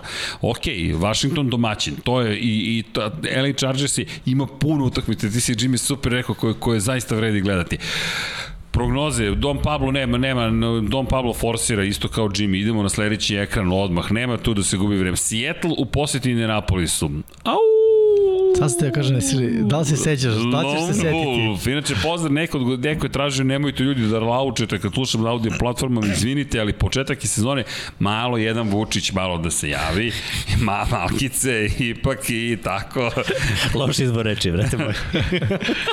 Što sam, a, De minuti. nisam Bez- se nije mi e, to palo na pamet. Čovjek sa iskrenim namerama. Bez, Vidi, bez, svi se smeju, osjećam se glupo u društvu, ne konta mi. bez, bez deminutiva, molim te. Loner. Jedan Vuk da se javi, izvinite. A, jako je. Dobro, hrabro. Od kada nisam zasmeo miksu, čekaj. Ovo je suviše jako bilo. Dola, pazi, evo ga, tu je blizu 11. Nije mi to bila namera, ali ne brinite, u ovom studiju se to, taj film neće prikazivati. U svakom slučaju, evo imamo Vukove. Malo ne nastradah ovde. Samo da ti kažem, u sledeće dve ćeš da se narla učeš. Dobro, može ovako. E, e, Vučko se javio. E, koliko gola? I dalje odmahivanje da. glavom u studiju na kraju univerzuma, došao mu je kraj. dakle, ja biram Indianapolis. Zašto biram Indianapolis? Zato. Slušamo te. Zato, Opa. zato. Ovo je, pazi, ovo je početak sezone. Ako sad, pazi, ovo me definiše moju sezonu u prognozama, bio sam mnogo loš prošle godine. Ali nastavljam veram u tu agresivnu igru i iako smo zaključili da je bolje izabrati jednu rizičnu utakmicu, Ne, sad je moment, sad je taj trenutak, sad mogu da vam pobegnem i onda samo da mečujem šta vi birate, razumeš, i da branim vojstvo. Tako da, zato idemo na Indianapolis, jer Može, može da se dobije. Dobro, nije, da, nije, nije kao ono... Nije nelogično. Tako je, tako Samo je. Samo je... Čudno. Da. Čudno, ali moram da nastavim da laučim. Dobro, idemo u Vukove. Ok, zašto biram New York Jets? Da li zaista treba da objašnjam zašto biram New York Jets? Ne treba, ne, ne, to, to je... zacrtajte, za, jednom ću pogoditi, nadam se dva puta ove sezone i to će da ostane. Prošli put sam odustao od bojih Jetsa, postao došli moji i moram napraviti zeleni mikrofon. Inspirisao si me žuti mikrofon. To smo davno koristili žute, naranđaste, crvene. Samo mora zeleni da se vrati, u igru da se vrati. Se zna, ka, evo Dom Pablo, nemoj da lupaš, ne, neću da lupam. A vidiš da lupam po defaultu, udarao po stolu ili ne. Ali idemo dalje. Dakle, biram Jetse, zatim biram Cincinnati protiv Minnesota. Uprko svemu, mislim da će Cincinnati da iznenadi. A mogu da pitam čime? Čime? Nemam pojma. Ne, čime si izabrao, čime će da iznenadi? Time, eto, iznenađenjem će da iznenadi. Razumeš, odgovor leži u pitanju. Kao na ispitu, poslušaj pitanje, dobit ćeš i odgovor. Da. Dobro. Mark my words. Ok. Mark my words. I ovde, ovde, Tennessee, Tennessee, Tennessee, Tennessee. Što ovde nisi izabrao da iznenadi Arizona? da. Arizona, pa ovo nije je, bilo zanimljivo. Ovo bi bilo lepše upakovano iznenađenje. Da. Inače, da. za oni koji slušaju, New York Jetsi, možemo, uh, posećuju Karolinu, svi su izabrali Karolinu, osim mene, ja sam Jetsi izabrao. Minnesota, u poseti Cincinnati Bengalsima, ja sam jedini izabrao Bengalse, Arizona posećuje Tennessee Titanse, idu prosto na Megdan jednoj ozbiljnoj ekipi, svi smo izabrali Tennessee. E sad idemo na drugu polovinu, San Francisco u Detroitu. San Francisco, San Francisco, San Francisco, San Francisco, San Francisco. Cleveland u poseti Kansas City u Jimmy, evo, ti i ja smo izabrali Cleveland, yes. svi ostali Kansas City. Mislim da su sazreli. Eto, to je, to je moje ono, kratko objašnjenje. E, delo je kao Kansas City, Mahomes nije baš bio precizan do duše kad nije gađao Terika Hila već ostale, ali ja ono, takođe mislim da, znaš, već si jednom igrao protiv Hila, ne kažem da će ga zatvoriti, ali će postaviti strategiju za Terika Hila. Isto tako, mislim da Cleveland ima uh, oružje uh, da uh, trčanjem, potrošnjom vremena, onako stavi malo Mahomesa i napad Chiefsa po malo većim pritiskom. U smislu da kad izađu na teren da znaju, ej, prošlo već 7 minuta, on imamo još samo pola četvrtine, a tek smo prvi put na terenu jer su ovi potrošili svo vreme ovog sveta. Tako da mislim da to može da bude prednost Clevelanda. Ja verujem da je Cleveland zreli ove godine i da je ovo korak napred sezona za njih. E, Chiefs, ako izgube na početku, to ne znači puno za, za njihovu sezonu, jer ovo je težak meč. Uh, mislim da bi iz ovoga mogli ako čak i izgube ono da se izvuku bez većih problema i takođe čekam, mislim čekam, verujem da će trebati malo toj ofenzivni da se uigra. Delovalo je dobro, ali u predsezoni. Eto, to, to je moja neka logika, zbog toga kažem Cleveland. Chiefs se ne gube na početku. Da, to je zanimljivo. Pa, mora će i taj Kansas City izgubi jedno. Vidi, na ako, početku. ako idu Bradyjevim koracima, Brady je tri puta gubio prvu ili četiri utakmicu, ne, četiri puta gubio prvu utakmicu u tri sezone kada su Patriote gubile prvu utakmicu, ne, Patriote dva put, jednom Tampa Bay ušli su u Super Bowl. Eto, čisto to ne mora mnogo da znači. Za Chiefs su ušli dva puta u play-off, yes. pa ni, u, u Super Bowl, Bowl, pa nisu izgubili. Jeste i to je činjenica. Dobro, Green Bay poseća New Orleans, Vanja Green Bay, ja izabrah New Orleans, Jimmy Mixa Green Bay i Pablo izabrao New Orleans. Da, boj, vi, ovo mi je ono, uf, ovde, znaš zašto Green Bay? Aaron Više verujem u tvog džokera. I, I ja, ali ono, Aaron Rodgers bi ovde mogao sam da, da reši nešto. E, ne Aaron Rodgers, Aaron Rodgers Devont Adams to. Da, da, Oni će ovde, da, da, da. da, mislim, ono, mislim, očekujem forsiranje to, ono, da će Rodgers da izmaltretira sve samo da baci Adamsu. I, a ne, ne, sad kao ne znam kako će se spremiti odbrana Saints, samo mislim da će to proći ovde. Eto, samo na tu neku njihovu ono, povezanost na nevrovatan način. Dok će svi ostali biti ono kao prva nedelja, znaš, malo smo spori i sve je to okej. Okay. Ako ima na klađe Devonta Adams 10 targeta, lagano. A to je, je to tip? Tip. Pro, pro Nego? To je Mix tip. Tako je. Mix tip treba da uvedemo Da, kao, da. kao, kao, kao segment, mix tip. I iscimam Nelija da nam pusti muziku za tip drill, da I Don Pablo nas vraća u ozbiljnost situacije. Tako je Denver u poseti New York Giantsima. Vanja kaže Giantsi, kao i Jimmy, kao i Don, kao i to je to. E, Srđan Miksa, Pablo kažu Denver, Denver, Denver. Sad ja treba pričam. Pa. Zašto Giantsi? Pa rekao sam već, oni meni deluju kao najozbiljnija ekipa na istoku uh, NFC-a. Uh, želim da verujem da će Daniel Jones biti bolji. Želim da vidimo onu situaciju. Biće na ovom meču tih situacija sa ovim edge rusherima. Kad će Jones morati da donese odluku nek me sekuje, nema veze, daj drugi za 15. Bolje nego tamo neka lopta nekome. I nekako sam se uželao da gledam Saquona Barkleya, da budem iskren. Ja sam fan Eaglesa a, i ne volim da se Barkley baš razigra, pogotovo ne u tim duelima, ali o, Barkley je ono, veliko ime u NFL-u trenutno. I falio je prošle godine, falio je da, da, da ga gledamo, da ga ono, dropujemo, tradujemo za njegov fantasy i ostalo. I jedno čekam da se on vrati da taj napad onako, mislim da može da bude dobar. I na ovom meču onako verujem da će Giantsi da dođu do te prve pobede i da tu moju teoriju da su oni najzbiljna ekipa na istoku uh, NFC onako počne ta priča da ide u nekom pravom smeru. Dobro. Nije mi nemoguće da, da, da Denver dobije, ovo mi je 55-45, ono odluka. To je to. Procentima, da. Dobro, blizu, zaista su blizu. Da. I da vidimo preostale utakmice. Šta nas čeka? Miami u New Englandu, niko ne veruje u Miami, svi smo izabrali New England, ok.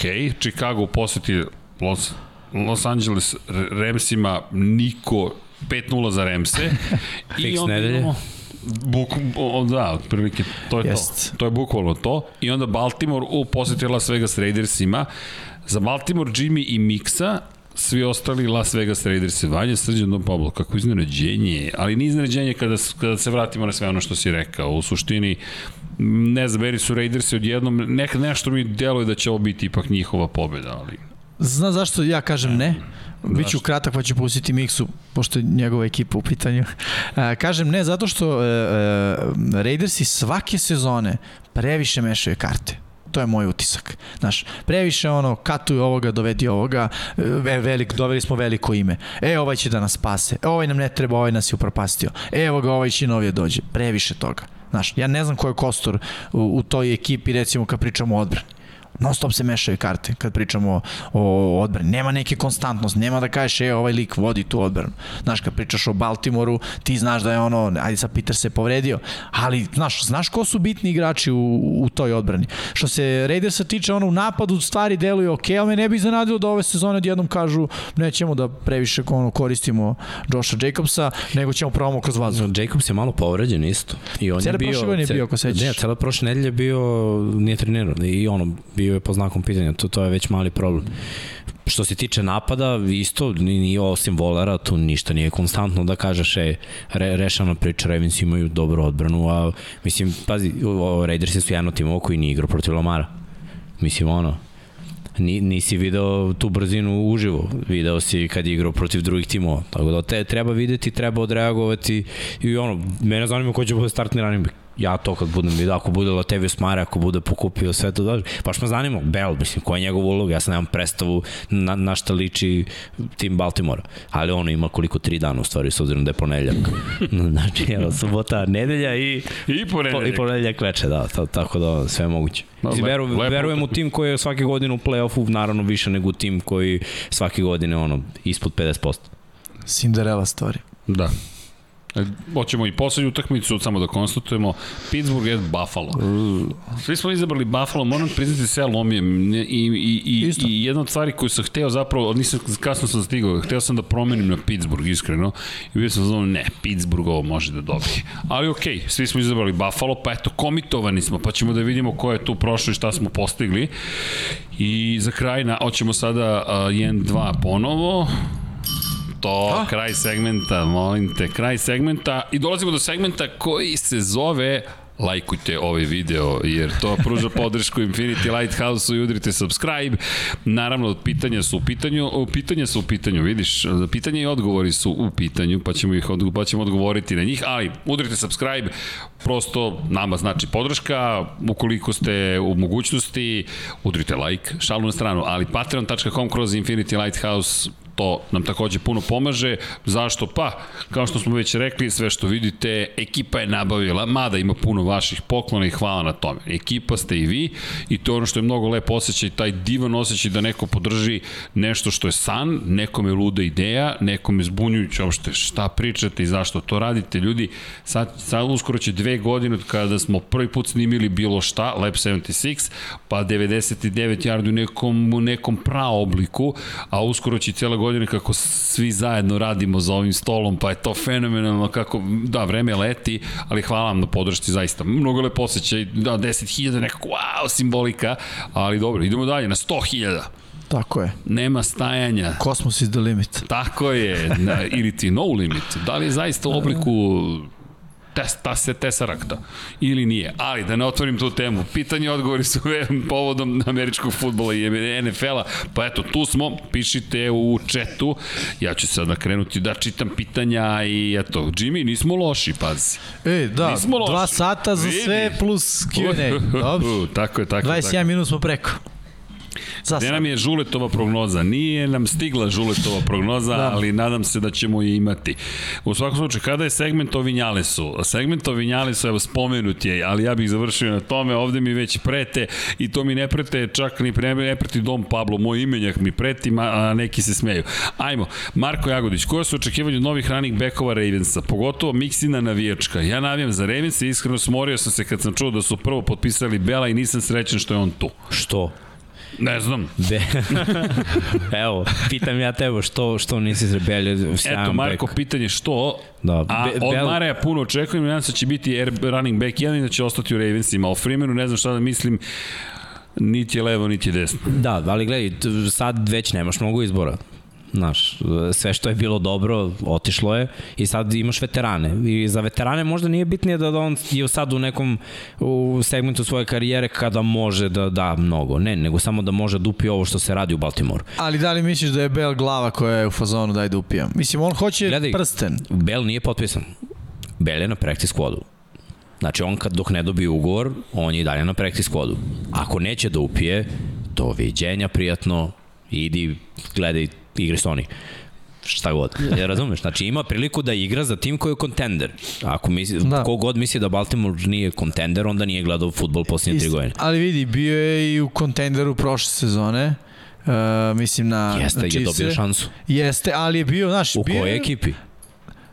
Pass first, je tako? Jeste, okej, okay, ali e, nekako šema trčanja je bolje leži u Chiefsima nego što ćemo u Baltimore. Naš Baltimore je ono um, read option ekipa. Jeste. Znaš, Lamar će da spusti loptu i da gleda dokle ovaj, a on to nikad nije igrao. Tako je. On je igrao, evo ti lopta, on dođe, sačeka, otvori se, prođe ili ništa nije otvorilo, malo džuska, pa nađe on sam rupu. To u Baltimoru nema. Nema. U Baltimoru je. je, ovo je rupa, izvoli. Ako si tako dobio je. uručenje od Lamara, idi tamo, idi tamo gde te Lamar poslao. Pazi, ali s druge strane, zašto je morao da džuska? Zato što nije imao fullbacka, zašto nije imao tight enda i da. onda dođe do ofenzivne linije i bori se za rupu. A ovde imaš drugog running backa, quarterbacka koji trči, fullbacka i dvojicu tight endova. Mislim, jest, znaš, jest. ima koliko je, koliko je protiv, toliko je za, ali on neće biti prvi bek. On će biti rotacija. Ako Freeman prođe, i on će biti rotacija. Uh, Williams će verovatno igrati u početku više snapova nego i Bell i Freeman, a Latavius Mare je bukvalno ono što Ravensima treba. Znači, back koji će da se zaleti sa 7 yardi, odradi taj read option i kroz ofanzivnu liniju, ajmo on, inače nije back koji džuska levo desno, on se ali će ide pravo. On Postiže je... touchdownove, imao je dobar učinak i mislim da, da je to jako dobro. Stiže nam dosta pitanja, pa pokušam ja, pazi, sad ja pokušam da nas da budemo da budemo brži. Uuu, ovo je kraj. Ali dobro. E, Miksa, koliko ozljeda dobin se uteče na power rankings Baltimore, jesu li sada Browns izgledni favoriti za diviziju? Jesu. Ozbiljno, ozbiljno utiče. Naš prvi, ozbiljno utiče. Naš prvi pokrovitelj, da, ozbiljno Ali gledaj, nije samo Jackie Dobbins, meni je Gas ve, veća priča, jer Gas je trebao da bude starter i on je tekako bio sposoban za ono 1200 eri. Jasno. Znaš šta je Gas? Gas Edwards je Nick Chubb, ogroman je bek, on ima ono 6'2, 6'3, 200 40, to je ono ogroman čovek koji zna da trči, zna sistem 3 godine tu. To je, e sad, obojica, to je problem. E, hoće li sada kamera, kamera dobiti više nošenja kada nema Mareja? Pa ako dobije više nošenja, da li će da ostane živ? To je da, pravo on, pitanje. on je vukao, on je već prošle godine bio čovek koji je sam vukao praktično. Ba, mislim da to nije ideja, da je Mare otišao zbog priče koju Miksa rekao, to je novac, tako da nije bila ideja kao, e, ajde da kamera ima više nošenja. Prosto nije tu, biće neko u miksu, čini mi se da se Jones zove, onaj da. Da. momak da je ruki u pitanju. On je meni izgledao simpatično u predsezoni, tako da, ono, mislim da će da je to ideja Saintsa, ono. Pritom imaju i šta, da, da, što se tiče, imaju oružje što se tiče igre kroz vazduh, tako da, ono, pomešane karte, kamera nosi koliko je već pre i nosio i to je to. Od 32 tima u ligi, trenutno 31 će se svirati onaj ofanzivni pes interference Gadvina sinoć, osim naravno Baksima. Vaš komentar na tu situaciju Nemanja Međedović. Tompa. Pa, već smo rekli, iz naše perspektive nekde smo se svi složili, ono delo je kao zaista ofanzivni pes interference, ome- ometanje praktično odbromenog igrača, ali nije sviran. Da li bi samo Baksima? Pa mislim da ne. Mislim da tu imate par stvari da je neko drugi ne mislim da to ima veze s Baksima koliko sa braniocem titule na NFL kick-offu, domaći teren, eventualno ili prosto takvo, takvo sagledavanje situacije sudija. To me iz naše perspektive, svi smo nekako to videli kao metanje, ali sudije su rekli svoje. Mada mislim da stvarno će biti još takvih situacija. Tompa Brady. No, Jimmy, raspoložen. Hoće, da li Detroit zaslužuje NFL ekipu? Branislav Dević. pita. Pa zaslužuje. Detroit je Radnički grad. priča. Da, ali to je grad koji ima, ima sve moguće profesionalne sportske timove i i to je grad koji inače na društvenom nivou doživljava jednu muku. Malo se popeo u jednom momentu, pa je sad ponovo krenuo na dole. To je jednostavno i povezano sa autoindustrijom Detroita i nekim drugim situacijama koje su se desile tom gradu. Ne znam, ja više želim da verujem u to da će se grad oporaviti nego u to da ne zaslužuje da, da ima NFL ekipu. I ta NFL ekipa u jednom momentu uopšte nije izgledala loše i imala neku šansu, ali dobro. Ja bih rekao da grad zaslužuje, ali su upitne odluke menadžmenta, ajde to da To kažem. da. U kom se smeru uopšte kreće ta Dobro, ekipa. pa Triša je trebalo da bude čovek koji to menja i to je ispalo problematično. Mm. Krajnje problematično, ali dali su veliku podršku, pokušali su da gurnu u tom smeru ekipu. E, eto, negde ja mislim da se slažemo da zaslužuje. E, Mourinho, Srki moraš da počneš da streamaš Formula 1 2021 dogovoreno. E, streamovat ću, evo pitanje za vas, da li biste, da li želite da streamamo i na YouTube-u? Dakle, pošto na Twitchu ćemo svakako da streamujemo. Evo, Dom Pablo je već šokiran čovek celom idejom, ali Mota da kablove. ne? A gde su NFL prognoze za ekipu sa četa? Boško Desančić. To još nismo uspeli da rešimo. Kako da napravimo prognozu? Da, ali Malo smo biće... Nešto. Čekaj, to smo nešto prošle godine diskutovali. Kako? Pre- da- Diskutovali smo i prošle nedelje čak i dobili smo neke predloge, ali ništa nije usvojeno, nije bilo. Ali, ali to moramo da smislimo. Da, ali šta je šta šta će biti novo?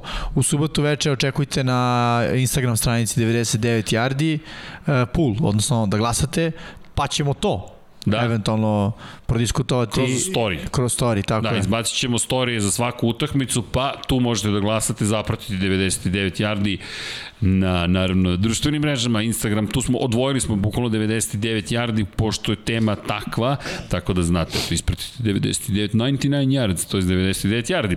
Tako da, eto, Boško, bit će i toga. Jel se zna nešto oko Ekelera, treba oko fantazija, jel ne igra sigurno? U, uh, questionable, što kaže Jest.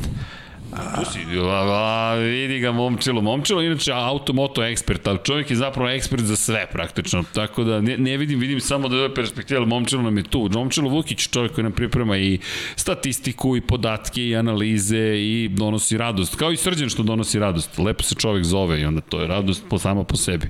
Ali dobro, evo Don Pablo opet prevrće očima. Nema Don Pablo, počinje Witching Hour, vidite da je prošlo 11, pomerio mi Jimmy vreme.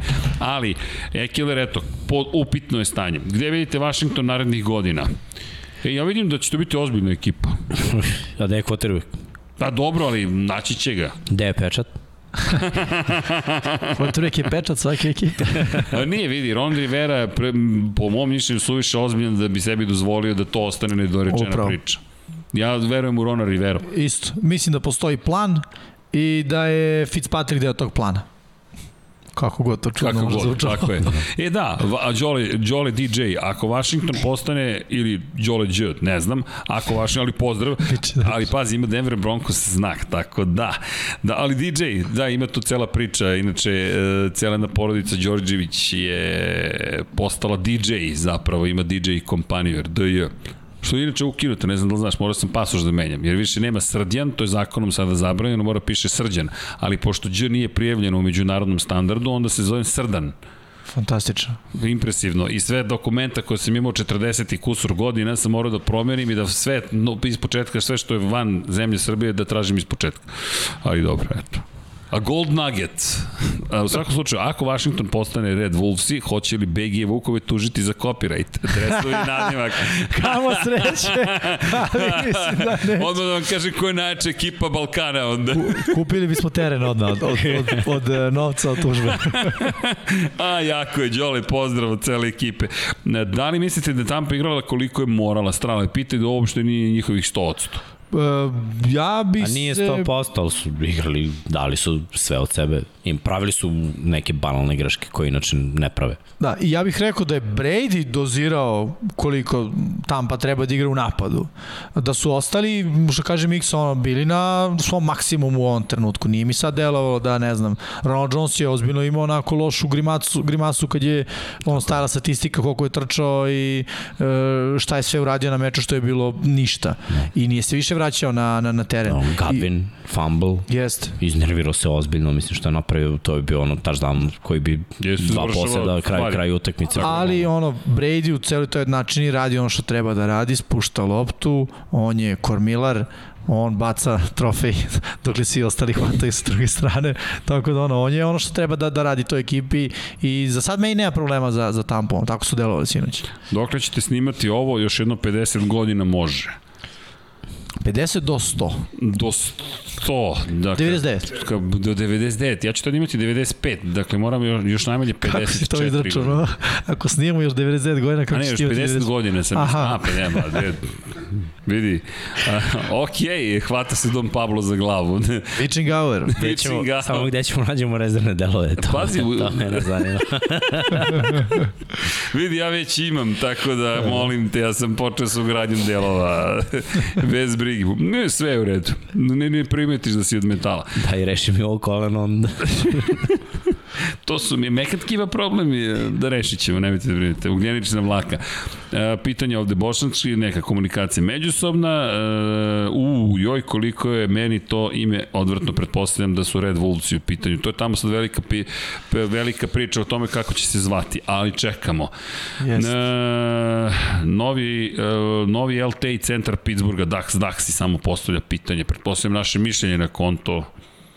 Levi tackle i centar. Da, da, da. Pa mislim, ajde da kažem ovako, Čekamo. tek treba da odigraju svoj Pa meč. to, čekamo, Da. čekamo, Vidjet ćemo.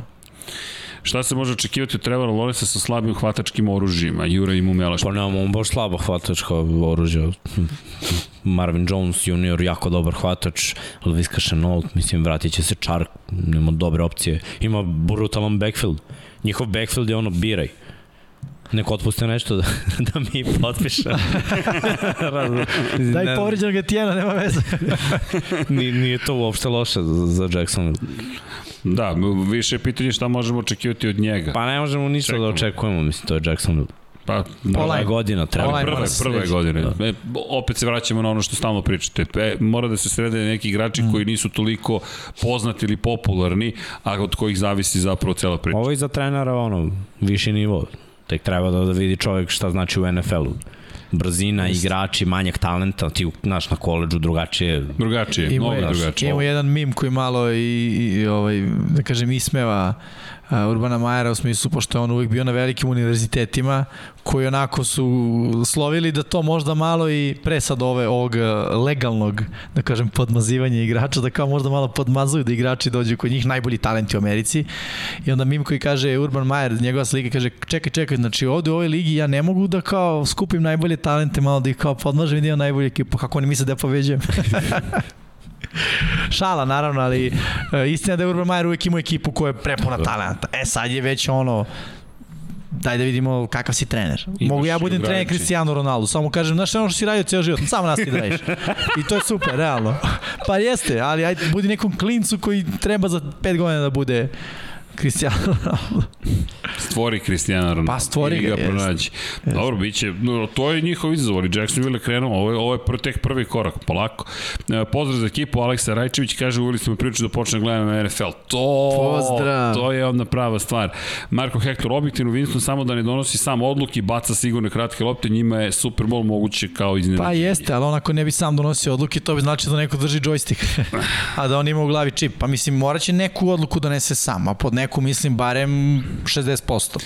E, Vojislav Andrić pita, da li može neko objašnjenje što ste svi izabrali New England?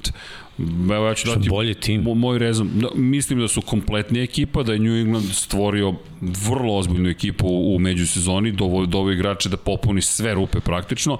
To što su stali za Mac Jones, Maca Jonesa na svaki mogući način, dali mu jel te, rekao bih dovoljno toga da bude siguran u sebe kada iđe teren, što je to žilet stadion i što je to Bill Beliček koji nije, koliko god on ne pričao, ali budite sigurni da Beličik ima takmičarski ozbiljan duh i da njemu to što je Tampa sa Tomom Bradyjem osvojila titulu uopšte nije promaklo. Meni je odbrana veća priča New Englanda, jer Odbrana je- napad Majamija se nije snašao protiv jakih odbrana prošle godine. A New England je prošle godine imao dobru odbranu, da. bez defanzivne linije. A sad ima i defanzivnu defanzivnu liniju. liniju, tako I vraćaju se neki on, linebackeri pre svega hajta. Mislim, znaš, sad, sad je to ozbiljan front seven, ne, neće biti to lako. Ljudi žive To je- ozbiljan stadion. Tako, i to je odlično što si rekao za odbranu, ali aj s druge strane gledamo napad i bila koji videli smo šta će, da, šta će njega da radi. Trčaće. Biće to sličan playbook kao Sara Tampa, neće toliko Mac Jones puštati ruku daleko, ali pogledaj, ima Jonu Smitha, odličan bloker. Ima Huntera Henrya, korektan je bloker, imaju full backa, oni su jedna od retkih ekipa u NFL-u koji imaju full back. Sa druge strane, pogledaj napad Majamija, liči na taj napad New Englanda, zašto? Pa Brian Flores koji je došao iz tog stabla a, Bila Beliček, ja prosto verujem da će ono a, profesor poraziti svog studenta, eto, to su stvari i ovo što si ti rekao, nekako mi New England deluje ipak puni talentom u ovom trenutku. Da, inače evo konstatacija Mourinja što se tiče Detroita i svi timovi koji su u Detroitu su zapravo za, ajde da iživljavanje, da parafraziram šta je čovjek napisao. E, Nemanja Međedović, ajde Srke, ajde Brzinski, da ne zameri ostatak ekipe prognoze za nedelju, Moto3, Moto2, MotoGP, Formula 2 i Formula 1, pa kako Brzinski? brzo. Brzinski, Moto3, Moto2, čekajte, MotoGP, Formula 2 i Formula 1, wow. Ajde brzinski karijeru Rosije. 9 titula, 115 pobjede, 199 pobjedičnih Šalim se, postolja. Šalu na stranu, ali evo, Moto3, Moto, Moto, Moto3, Đaume Masija, evo, sad tak, tak, tako izbacujem. Uh, Moto2, Gardner, Remy Gardner, Moto Grand Prix, ko će pobedi Moto Grand Prix? O, Moto Grand Prix. Ho, molim? Jorge Martin. U, Motivisao si ga. u Formuli 2 Oskar Pjastri i u Formuli 1 Max Verstappen, eto. Pozdrav ekipa, svaka čast na svemu, samo napred mišljenje oko Gia- Giantsa, nešto ste pesimistični, ima tu ozbiljnih igrača u rosteru Steva Žigon. Ok, Ima i Danny Dimes. ok, respekt, respekt. Ne, znaš kako, ne, ne mogu ja dokle god imaš Kotrbeka koji prodaje dve lopte po utakmici, ja ne, ne mogu s tim da radim. I, No, okay. Mislim, nije, nije roster u potpunosti, Golade je povređen, Da. ne, nisam siguran da, da, ono, da, je, da je roster kompletan 100%, utakmica uopšte nije laka i još jednom ako nisam dovoljno puta rekao, Danny Dimes. Ok, mislim da je ta, da to je konačni odgovor. Ali ja verujem njima. To je bio moj pik, Giants. Da, da, da, Jimmy veruje, Jimmy veruje. Inače, n, e, Aleksa Rajčević, kada će neke majice sa potpisima ekipe produkcije? Okej, Custom. custom može, napravit ćemo, ne, ozbiljno napravit ćemo, što? Nismo znali dođete, mislim. Ne, ne, pa nismo znali, da, ali stvarno ne, nema problema. Možda Brđu da zamolim da nas sve ilustruje. A Dom Pablo, ninjina maska. Niko ne, Ne, ne, nego onaj kao Jordan u- ranije u igricama, onaj no photo priča lik. o tome. Ja znaš, Don Pablo kao Jordan nekada u NBA igrici, ono, no photo. Bill Belichick, Locked misliš? player, Bill znaš. Belichick u NFL Medenu. da. Coach of New England. I on kao, kad je zaključao neki borac u nekoj borilačkoj igrici, znaš, tako je on kao sa ovoj crna ne, silueta. Dom Pablo, to ti kad si došao na najviši nivo, to je cheat mode. To je je. cheat mode. Kojeg upravlja Dom Pablom, to je cheat mode. Kraljica, što bi rekao. To, to, to. Pa dobro, više je kralj, ali ajde sad. E, Ko će po vama imati najbolju odbranu u ligi i kako sezonu očekujete od Antonija Brauna? Dobru. Krenulo je, krenulo je dobro. Krenulo je baš i Ja, dobro. Neće ovo biti sezona za bilo kog individualca Tampa Bay Da, da, da, da, da. kažu brutalno, ali svi će imati dobre sezone. Sad, različiti su nam verovatno Ključni standardi šta, šta je dobra sezona za nekoga. Mislim, za mene je dobra sezona Super Bowl i osvoji. je. To je meni dobra sezona. To to. Individualni uspeh sa 1000 i po yardi, dobro i šta? Ne, ne, ali Tampa je baš naslednica prava filozofije New Englanda. Ovo, ovde pričamo o tome, nisam došao da budem neko ko štrči i izući neki ugovor, nego sam došao da osvojim titulu i radim šta se od mene, šta je neophodno da bi ekipa uspela. Ako, ako je ovo utakmica moja, nemam nikakav problem da sledeća bude tvoja, Tako je. ona tamo. Ej, to je nevjerovatno. To je Evans, tim- to je tim. Godwin, Brown. Vidi, kada dođe tako ime kako je Brady i kaže može manja plata da bi imali ekipu, znaš, on bukvalno kažeš sebi ko sam bre ja da, da kažem ja hoću ne znam kakve milione. Mislim, znaš, i Shaquille Barrett je tražio novac pa je na kraju rekao ostaću. Još jednu sezonu. Doći će pare. Pa, Ako odbrane titulu, to je to, Jeste. to, to, to Svi su, svi su status. skoro uzeli manje Jeste. To, para. Mislim. to ti je zlatni, Što ne bi uzeli manje jardi, mislim. To ti je zlatni sako. To juriš, zlatni sako Jeste. posle toga. Bilo je pitanje za najbolju odbranu, ja ću da kažem Da. da. bold prediction Cleveland Browns. Nije toliko bold, ali obzirom da nije ni počelo i da ih nismo ni videli, ja kažem Cleveland Browns.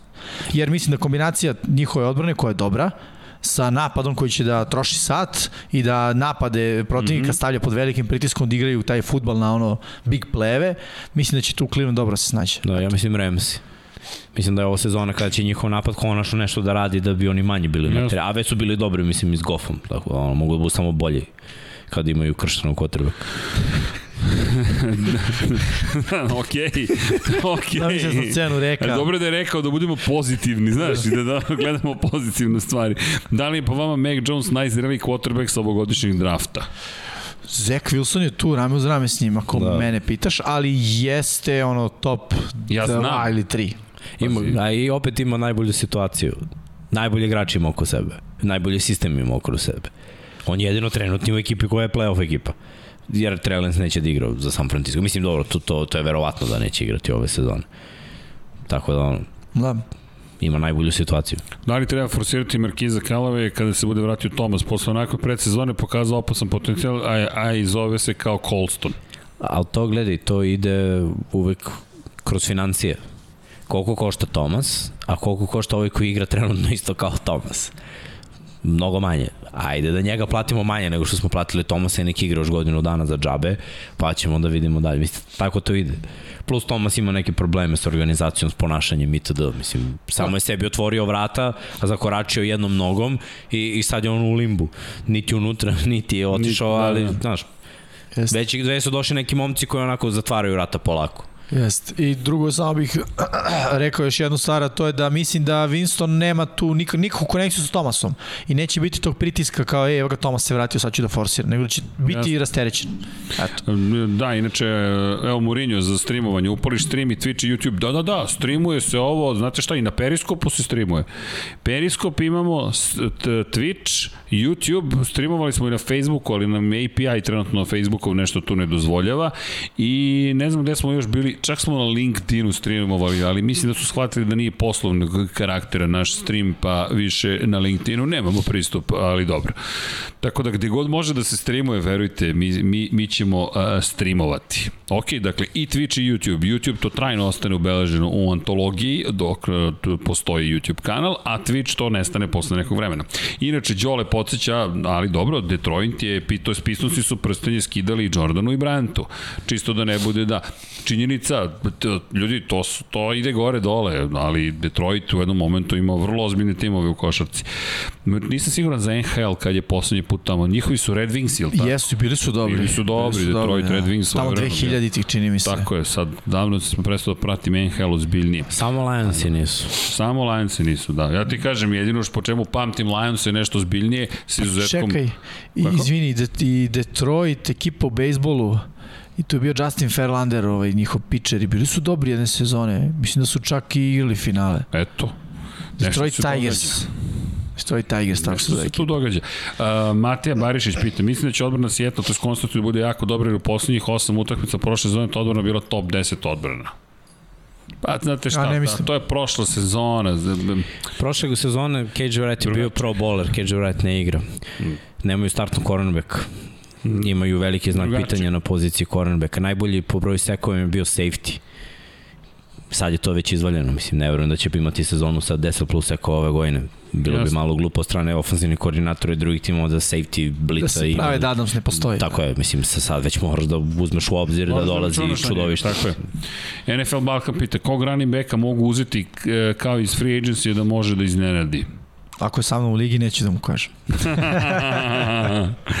da, ne, ne znam, ali Ba, imate pa ne znam, ne znam ko je slobodan, mislim. Da, trenutno, evo, ostaćemo dužni odgovor, ali nismo zaboravili. Lekler Jovanović, šta očekujete od obrane Patriota ove sezone i kako vidite njihovu linebackersku liniju?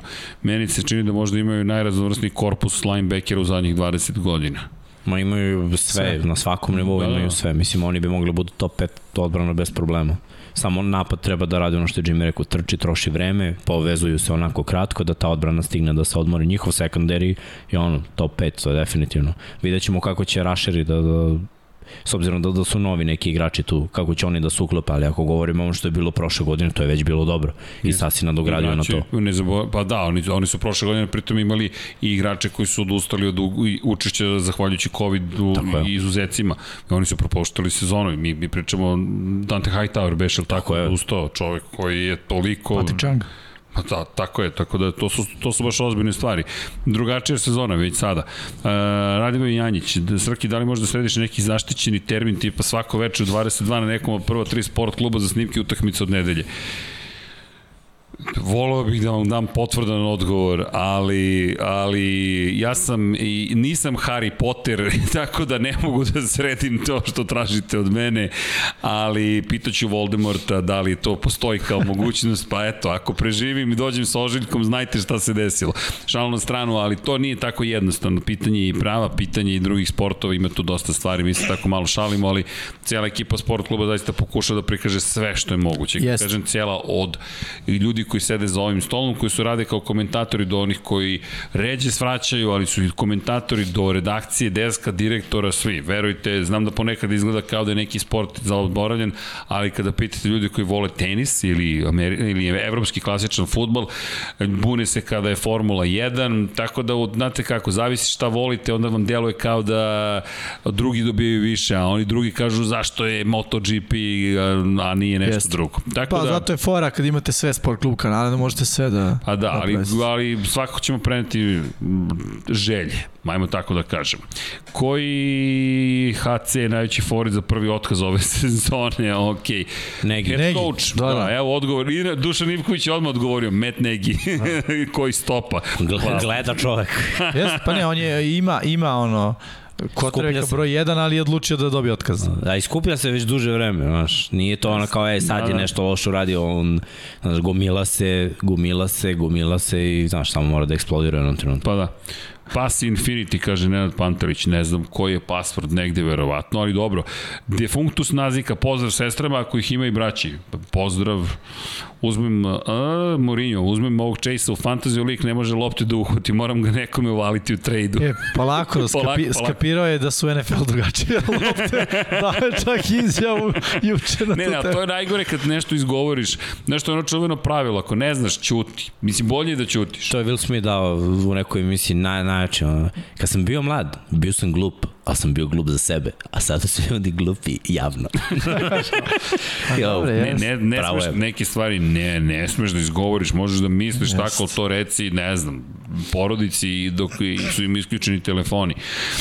Pa da, pošto sad sve toliko se streamuje, slika, fotografiše, znaš, non stop si u live-u, ti bukvalno moraš da budeš u, u, u, u televiziji, non stop, jer neko non stop nešto snima i emituje. Mm. Televizija je uključena na 0.24. Bukvalno. Strale, da li OBJ igra u prvoj nedelji? Znak pitanja.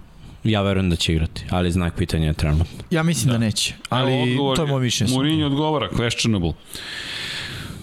Da, to je zvanični status, tako, tako je. Branislav Dević, srđane, zašto nisam navukao Miksu i Jimmy na automotosport? Zašto vas nisam navukao na automotosport? Pa nisi, mislim, nikad ni probao u smislu kao nas nešto kao navlačiš na to, u smislu kao ajde dođi Jesi da nekad, brate, rekao ajde da igramo, da vozimo ovde. Ajde da vozimo. O, ok. Jesi rekao čekaj. nekad evo karte, ajde idemo na trku. Jel idemo... Jesi rekao evo motor, ajde malo se provozom. nisam. Ok, eto ti odgovor. Ajmo, sledeće nedelje, sledeće nedelje gostujući vozači Jimmy i Miksa. Ne, Miksa, Miksa se, mi, mi, hoćemo tako. Dolaziš da voziš. Šta da Šta vozim? vozimo? Igricu? Stazu, A, igricu? igricu, Formula 1. A, dobro, ajde. Jel okej? Okay? Kad se snima? Ne znam, dogovorit ćemo se termin da streamujemo i da vozimo. Može? A ajde neka miksa prvi gost. Prvo on. Može. Znaš. Hoćeš? To, skini reklame s bankiner će biti izudaran. Ne, bez brigi, stavit ćemo da ne si ne uništi. Uh, ima šifra nekada mogu kroz. Znaš, dok vidite Ne, kogo ne, ja sam sada ozbiljen. Sad ćemo da napravimo kao u Top Gearu, gostujući vozači i izabraćemo stazu koja je staza na koju svi moraju da odvezu jedan krug i da vidimo ko je najbolji od svih ljudi koji su ušli u studiju. Koliko traje emisija? O, ne, ne, pa to ćemo Srđana- Srđana nedeljom. emisija. Koliko traje za emisija? Pa potrajaće dok ga ja odvozam. Infinity. Traje, traje. Infinity. Dom Pablo prvi vozi. S Opa. kacigom. Znači, s kacigom vozi. O, ju, ju, ju, ju, ju, ovo će da bude zabavno. Ja, okay. Možda si i naučio. Da, to je to inače Možda se pojačamo sve da gost- čujem gas, to me, to me Hoćeš i radi. motore da voziš? Ne, ne, gas, ne, sve, sve, ide slušalice, pedale, Stvarno? volan, Da. da, sve. Wow. Sve, imaš i mikrofon, komentarišeš svoju vožnju. Svoju vožnju. To već ne mogu. Da, Full, ne. Imam, imam jedan uslov za Da. moj ugovor. A to je da nesmetano mi snimate facu dok igram igrice. A, Mnogo sam, ok, mnogo sam game smešan. face, game. game face, Game face mi je mnogo smešan. Znači, mic'd up. da, i redko kad su mi usta zatvorena. da. Pa kako misliš to da ne snimamo? Ne, ne, nisam, ne, ne, ne, ne tako. Bez brige, stavit ćemo Full HD kameru tamo na TV i onda ni ne znam da ga snimamo, jer kamere su svugde oko nas. Noći ću i ja kad sigurno. Evo, be, Boško, postoji li mogućnost da Miksa i Jimmy budu gosti u podcastu Lab 76? Pa ja Hoće. mogu da postoji. slušam, da. Ne, pa ne, napravit ćemo kad prođe sezona. Kad prođe E, ti. sezona, e, i onda dođete i onda... Pa ne, jeste gledali neka trke Formule 1? Jesam, Ste jesam. navijali za nekoga? Pa nisam nikad navijao, ja sam samo navijao da ovaj što je drugi u zadnjem krugu pretekne prvo. Jer volim kad se kaže kako preticanje da li o čemu smo prisustovali, ovo je istorijski, ja kao pozorno, brate, istorijski, razumeš, gleda. Deo smo istorije. Da, ne znam ni ko je drugi, ni ko je prvi, ali sam u fazonu, brate, ja sam deo istorije. ne, stvarno, jedno sam kod drugara, moj prvi kontakt sa, sa MotoGP-em je bio stvarno neka ozbiljna trka, neka poslednja. Ne znam ni kad je bilo, iskreno. Gledali smo kod njega i ovaj, mislim da je tu onaj neki, jer ima neki Marquez, Marquez, Marquez. Marquez. ja se kažem Velasquez. Marquez je nekog pretekao bukvalno dva kruga pred kraj u ono zadnjoj trci i osvojio je valjda sve. Ne znam šta se moglo osvojiti. Izvini, Srki, Jako. nije Ne, ne, ne, disrespect, ne, ne, sve ali stvarno u tom trenutku sam bio u fazonu, ono, bilo je kao, moram gledam ovo češće. Nisam gledao, mislim, iskreno, zašto ne znam kad ide, ali, ali, da. Dobro, eto čuli ste zašto nikad nisu počeli da prate automotosport, za, ali počeće, eto, tako da. Čekaj, pa ja sam, ljudi, kombajn je bio, mislim, ovako. Istina. Rano. Ne, lepo rekao Miksa, neki karting, nešto, može. Pa Može, trka. može. U, ali to moramo GoPro-ove da stavimo. Može. Stavi, čekaj. Ti kažem. Smo spremni. I dron i sve. ok, e, vratimo se NFL-u. Uh, pored Adamsa, koja će biti Rodgersova druga i treća hvatačka opcija? Panjan. Evo, završavamo još malo. Još malkice se družimo. Pa, pa, pa je, ipak je 1999 yardi kick-off. Come on, kick-offujemo ga. Ja, ja ću da kažem, izvini, Tonjan Naravno. i uh, Jones, running back. A Kob? Ne još. Ja mislim ne još. Mislim da će Cobb biti ono, znaš, mislim da Cobb neće više biti varijanta 10 plus targeta po utakmici. To će biti ono, Znaš, to 3-4 s- sigurna i Da, a to sam ja mislio kad je James Jones se vratio od igra i nije bio nešto u Raidersima i onda se vratio u Green Bay gde je bio ono jedina druga opcija i imao je vrhunsku sezonu zašto zna Rodgers mislim i on ovaj mu veruje i onda krenuo na njegu mislim on stvarno zna da smesti loptu na pravo mesto Detroit Tigers imaju četiri titule. Poslednja 1984. kaže Marko Jagodić. Znači nisam, nisam to gledao, da. Možda su bili u nekom finalu i u priči za finale. Okej, Koji momak u studiju može najviše popiti, a koji najviše pojesti? Oh, Challenge. Challenge. Čega? Šta, pojesti ili popiti? Oba. Oba. Pa za pojesti ja više ne mogu da im pariram. Ova gospoda... Ja mislim da, mi, da je miksa za, da pojesti. ja mislim isto da sam Ja, ja gledam te, da, da, da. Možda Vanja. s obzirom da on imam je šest puta Još dnevno mlađi, znaš. Možda da, Vanja. Ali Vanju pojedem za doručak, pa onda Ali nastavim Vanja je dalje. permanentno gladan, pazi, permanentno. 0 do 24, ko je gladan, Vanja je gladan. Prosto, to je, to je kad si mlad. Dobro, a ovo prvo pitanje sad. Za popiti. Ha, Tu sam outsider, apsolutno. E, vidi, ne, ne, ne, ne, ne, kada budemo imali, ne, uh, Lab 76 100, to ide u kafanu, zato što je to dogovor, samo zbog COVID-a smo morali to sve da ispomeramo, ali se to radi u kafani, tako da znate, pa eto tu može da se obavi test, a kada bude 37-časovni podcast, I tu može testa se a tu ne bismo smeli da testiramo baš te veštine, znaš, potraći 73 sata. Kao u Americi, ono, aha, zbog toga, ja sam mislio kao da se ne vidi alkohol, pa rekao sipam u čašu. Ne, pa deklarišemo da je 18 plus i da, Da. može. Uh, Juraj, ali to naravno nećemo raditi. Juraj Mumelaš, jel, jel te? Je, Kada se radi audible, jel to radi quarterback sam ili mu koordinator daje upute? Audible, da, radi Pa quarterback. quarterback, on, on više nema komunikaciju sa, sa, sa 30 sekundi pre početka, ili 30 sekundi se gasi radio komunikacija sa... Ne mora, Ne mora, ne mora. Mo, može li ne mora. da, ali... Mislim, Ramsey sa Goffom nije se gasila. Ozbiljno nije se gasila. Okej. Da bi joystick imao domet za McVay. Ali da, obično quarterback vidi nešto i onda menja akciju, zato je to audible, da, Tako je, da bi pa- ljudi čuli šta Jeste. on, koju akciju on menja zapravo. Mislim, audible je uglavnom promena na trčanje. I to ono specifično trčanje koje je obično kao levo ili desno. Recimo možda bude dive. To je ono, napadamo A gap, gap ok sa strane centra, između centra i garda i to obično kada quarterback vidi blic sa strane. Ili ima audible da će se trčati okolo, a ukoliko blic stiže sa unutrašnje strane. To su, kažemo, neki možda osnovni čekove. Sad sve što je više od toga, to su već iskusni quarterbackovi, e, bolje poznavanje futbala i recimo ono Tom Brady, Peyton Manning, to su neka od imena koji su imali odličan audible. Čak i Philip Rivers mogu da ga stavim No. na, tu, na, tu, na taj spis. Samo što je Rivers znao, znali smo kad Rivers traži audible, to je pas, sigurno. Da. On je bio specifičan po tome. S druge strane, Manning kad pravi audible, sve može da bude. Mislim sve, oba. Ran ili pas. E, inače, da Crazy Srb, pre Negija mora Ryan Pace da dobije otkaz, on je mnogo veći problem od Negija. Pa, da, mislim, GM-ovi to teže funkcioniše, Chicago, Mal, Negi ništa nije uradio. Da. I to je činjenica. Došao je da uradi nešto, ništa nije uradio i sad ima priliku da obraduje publiku, ni to čovjek neće. E, Marko, ja, e, veliki pozdrav, odlični ste Storm Rider, hvala, hvala Storm Rideru. Storm Rider, to dobro zvuči. Da li će biti piramide radosti, ne znamo, to je sada specifična situacija, neka privatna situacija, ništa nije loše, ali neki od članova ekipe trenutno nisu toliko dostupni, tako da čekamo i mi, ne znamo, ali držimo palče da će biti, pošto je to divan podcast i mnogo dobar podcast. E, da li se zna šta je sa SK NFL podcastom i da li će ga biti ove godine? Kada? Aha, Aha, tu sam vas čekao. Opa! To sam vas čekao, biće, šalim se. Biće, Biće, biće. biće, ovaj, stvarno smo bili malo u gužvi i, i treba organizovati sve ipak. e, Sreda nam je termin ko, koji onako trenutno nam ne odgovara mi imamo trening e, pre toga, a uglavnom svi rade na, na, na Jest. ti, ti sam znaš koliko, koliko radiš, uglavnom prepodne Nešra, Žule radi, Vuk radi, Vesić je uglavnom na, na smenama, ti radiš Jimmy drugi posao do, do pet popodne. Da, Da, mnogo je teško da uklopimo Jest. sve to i, i, i da stavimo. Sad utorak bi mogli nešto da iskombinujemo, vidjet ćemo kako bude odmicalo dalje, ali ja očekujem da odradimo tu analizu. Mislim da je lepo bilo prošle godine, da smo ovde imali najavu ovo kola, da Jest. su podcast onako lepo ispričamo, da nemamo ovako segmenti, nego onako. Drugačija drugačije, forma. da, drugačija gosti forma, su, da. Tako da, i sa gostima je bilo super. Treba nam ono i, ta, i, i malo gostiju da, da se priča o tome. E, ali do, hvala, inače hvala svima koji pratite, hvala za savete, evo, na primjer Kick Tip i kažu dobra aplikacija, tako da ćemo to da pogledamo.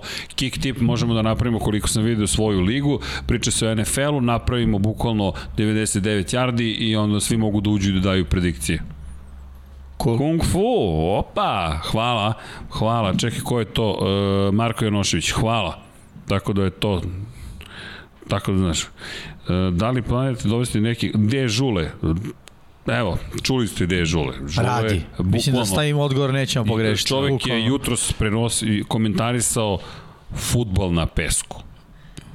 Bukvalno, ja ne znam da li je Iko izašao iz kabine. E, vi ste danas snimali studio. Studio, da. Ljudi, mi, mi, ja ne znam da li Iko ne radi u nekom trenutku, ali bukvalno, i ovo što je Miksa rekao, vi, vi pogledate, za studiju smo se jedva skupili. U tom trenutku pola nas je koji je na komentarisanju nekog drugog sporta. Ja sam danas imao MotoGP paralelno sa Formulom 1. Bukvalno, pa Formula 2, pa Moto dvojki, pa Moto trojki. U 8.50 je počeo prvi prenos, poslednji se završio u 19.15 pričamo o 12 sati manje više provedenog vremena u kabini.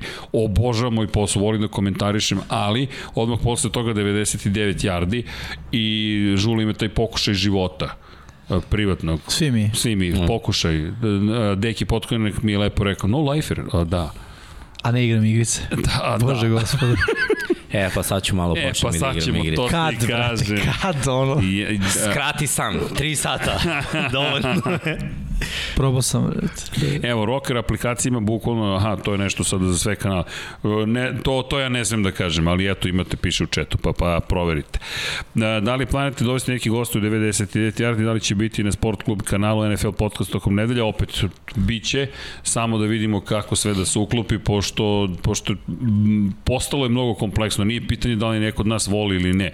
Ljudi, obožavamo ovo što radimo, pa ne bismo se u petak uveče nalazili u 9 uveče i radili live streaming. Nego bismo se takmičili ko može više pojesti. Tako je, tako je, tako je. U kafana kod 99 yardi. Jedite kod Mikse i Vanje. Ali dobro. Samo E, ti kažem da sam brutalno ogladno, ajde. znam, mislim da je vreme da se polako pozdravljamo. Ne, pa vidi. Ispod tri sata. Ispod 3 sata. Što nije loše, ali dalje nismo ispunili cilj. Da, dobro, Jimmy, ali pomerio si nas. Ne, jedan od Ne može je- ali, slušaj, prvo da bi bio coachable, to ali moraš, moraš da ga, To kad sam ti se nam- trener obraća, Tako. ali ne smeš da, bu- da počneš rečenicu sa ali. I sa znam. Da. Ili hteo sam. E, Ne, ne, ne, ne, to ti je... Ne ti, nego to je... To, ne, ne, ne, ok, vidim. Vratio sam se na noć pred. E, treba nam ovaj kadar, ovaj kadar nam realno treba. da, da, ovaj kadar je najbolji. Pitching hour. Pitching hour, pazi. Ne, ali moramo u crveno zidove da ofarbamo. Bude To crveno. je potpuno ludilo. Potpuno. Ja ne smijem da zamislim. ne znam ni ja, Samo što da krvave oči bi se stopile sa okoliko. E, okej, hteo sam nešto da kažem, ali čak i ja sam zaboravio. E, zapravo ne, ne, to je iz vojske navika, ništa ne znaš. Ako te pitaju da li nešto znaš, ne znam. Defaultni odgovor je ne znam. Ne znam, ako znaš engleski, imaš klonju. To je dobar odgovor. Da, da, ne znam. Ne, I nikad ne kažeš ne mogu ili neću. Ne znam. Neseser, Nederland. Samo vičeš ne znam. Ništa ja ne znam. Kako se zoveš? Ne znam. A ko si ti? Ne znam. Srdan, brate, ne znaš. Imam pasoš da to dokažem. Ne, ozbiljno, promeniš mi ime. Šta Đorđe, Dorde, šta? D- Dorde. Da. Dorde, ozbiljno ti kažem Dorde si. Ne možeš da kupiš avio kartu sa Đorđe. Da. Ti si Dorde. A bio si Diordije. A sad si Dorde. Eto. Divno. divno, ali najveći problem što su to potpuno nova dokumenta, ti više ništa ne važiš, sve akreditacije i sve to ti ne postojiš. Bio sam srdijan, sad sam srdan. Evo Milhaus kaže ne, bez gostu i bez promjena u ekipi 99 yardi ovo ako dirate pokvarit ćete stvari koje su dobre ne treba menjati e, Marko Jagodić najavite tekme koje prenosite na SK i ko ih komentariše da, koje tekme prenosimo i ko ih komentariše E, za koji komentariše... Ne znam, aj miksa. Dajte i kada Madden miksa. da igrate to ćemo da Samo polako, samo polako stiže spis, spisak postoji.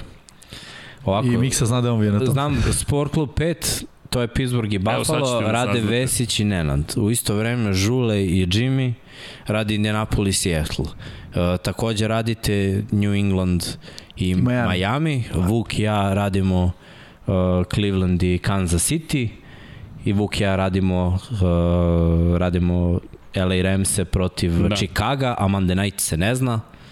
Tako da ono, vidjet ću. I, i takođe u 21.30 imate taj studio 20 minuta čisto da. da vidite o čemu smo pričali kao neki Nice. glavni favoriti uvod neki Nice. i, i tada. Ali odno, pet utakmica u nedelju, šesta ide u ponedeljak. Dobre su, dobre su utakmice, mislim, Yes, izuzev ovog Sunday nighta za koju očekujem da će bude blowout, svaka druga utakmica je neizvesna i pratite.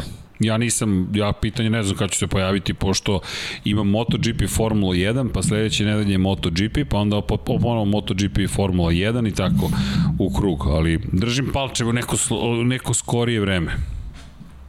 To je ljubav. Ljubav, a kad je već priča o ljubavi, petak je veče, neki vole da jedu i vreme je da da idu u tom smeru. E, pitanja, nema nekih koje su kritična, ja se nadam da ste uživali, evo, približamo se trećem satu, staću. Staću. Evo Jimmy, coach, coach, coach, evo staću coach, tako da ne brinete ništa. Ali da, 9999 yardi smo otvorili kick-off, krenula je prva utakmica, je već održana, prvi podcast, pa bit će uskoro 99 yardi nastavlja, bit će noviteta nekih i svašta nešto sprema ova ekipa i uzbuđeni smo svi oko toga. Evo viš, pogrešili su mi ime, piše Srđan. Viš? Strašno. Detalji, detalji. Ko je pa to, to je Srđan pogrešio. srđan, srđanu. Ali da, da se odjavimo pre nego što dođemo do trećeg sata. Ljudi, hvala. Došli smo danas do 10.000 subscribera. Možda je to nekom nevažno, nama je to nekako mnogo bilo lepo kada smo videli i, i nemam ništa tu da dodam osim onoga što, što možete sami da vidite. Volimo ovo što radimo, mnogo smo uzbuđeni i mnogo je lepo kada osetite emocije sa druge strane i hvala za sve. Za sve ove dresove koje ste nam poslali, za sve kačkete, za sve uspomene koje ste podelili sa nama nama. To je ono najlepše što možemo da uradimo. Sezona je počela, sad ono kreće glavno, pa do Superbola, do polovine februara se družimo. Kada je reč o Vanji, Vanja brzo nam se oporavi, vrati se za 100 pa da pričamo sledeće nedelje o prvim utakmicama, ne samo o jednoj utakmici, pa da vidimo šta se tu sve izdešavalo. Ne zaboravite, ovo je istorijska sezona, ove godine će imati po 17 utakmica po ekipi, ukupno 18 nedelja takmičarskih, jedna nedelja manje u predsezoni, imamo nedelju kasnije u odnosu na dosadašnji kalendar, dakle obično prva nedelja februara je bila nedelja kada se održava Super Bowl, Super Bowl je u Los Angelesu ove godine, tako da idemo na zapadnu obalu, ko će će otići u veličanstveni stadion u Inglewoodu, saznaćete naravno na sport klubu i na 99 yardi, vodite računa jedni u drugima, mazite se i pazite se naravno. Imamo vozite računa jedni u drugima u Lab 76, moramo smislimo i nešto u američkom futbolu, žargonu američkog futbala. Nisam siguran koliko tu ima mažanja i pažanja, ali okej, okay. i dalje je poruka lepa, vodite računa jedni u drugima. Rekli smo, mesec septembar, mesec prevencije samoubistva, ljudi svi prođemo kroz neke teške situacije u životu i oni se i vrate, to mi je kao krug životni, ali životni krug, ajmo da budemo tu, živi, da se družimo, zabavljamo, kritikujemo, hvalimo kako god, igramo igrice svakako, menjamo boje mikrofona, zašto da ne? Hakuna Matata. Aku, tako je, da, Hakuna Matata, nego šta, čekaj, čekaj, čekaj, bom! Tako da, zaista vodite računa i o sebi i podelite ukoliko je šta da vas tišti sa svojim bližnjima. Možete i sa nama u četu, kao što možete vidjeti, mi se uvek silno zabavljamo, tu smo. A s druge strane, da, da, da napomenemo i da ćemo se uključiti u akciju kada je reč o tome da proširimo svest, to je podignemo svest o tome da ima ljudi koji imaju invaliditete koji u modernom društvu ne bi trebalo budu ne, nešto što vas sputava, ali prosto ponekad zaboravimo jedni na druge, pa ćemo i mi vidjeti šta mi možemo u našem ulazu da uradimo po tom pitanju. I naravno podrška svima, samo se borite, paralimpijske igre su bile impresivne, ko nije pratio pogledajte šta sve može čovek da učini kada je volja tu i srce tu i kada nema ovog što ste spomenuli, nema ali, nego da vidimo šta ćemo da uradimo, tako da to neka ta pozitivna filozofija, kada je reč o nama, udrite like, udrite subscribe, posetite infinitylighthouse.com kroz shop, tamo možete da kupite neke stvari koje još nemaju 99 yardi, ali ubrzano radimo i na tome. Videli su i članovi ekipe iza kulisa šta se sve zbiva i da ne bude odjeva od 17 minuta i dođemo do trećeg časa. Samo da vam kažemo da vas volimo i hvala naravno za celu podršku, a vidimo se sledeće nedelje kada ćemo analizirati kompletno prvo kolo i najavljivati drugo kolo, pa čak i znati šta se desilo u četvrtak uveče. U to ime, ćao svima. Pozdrav.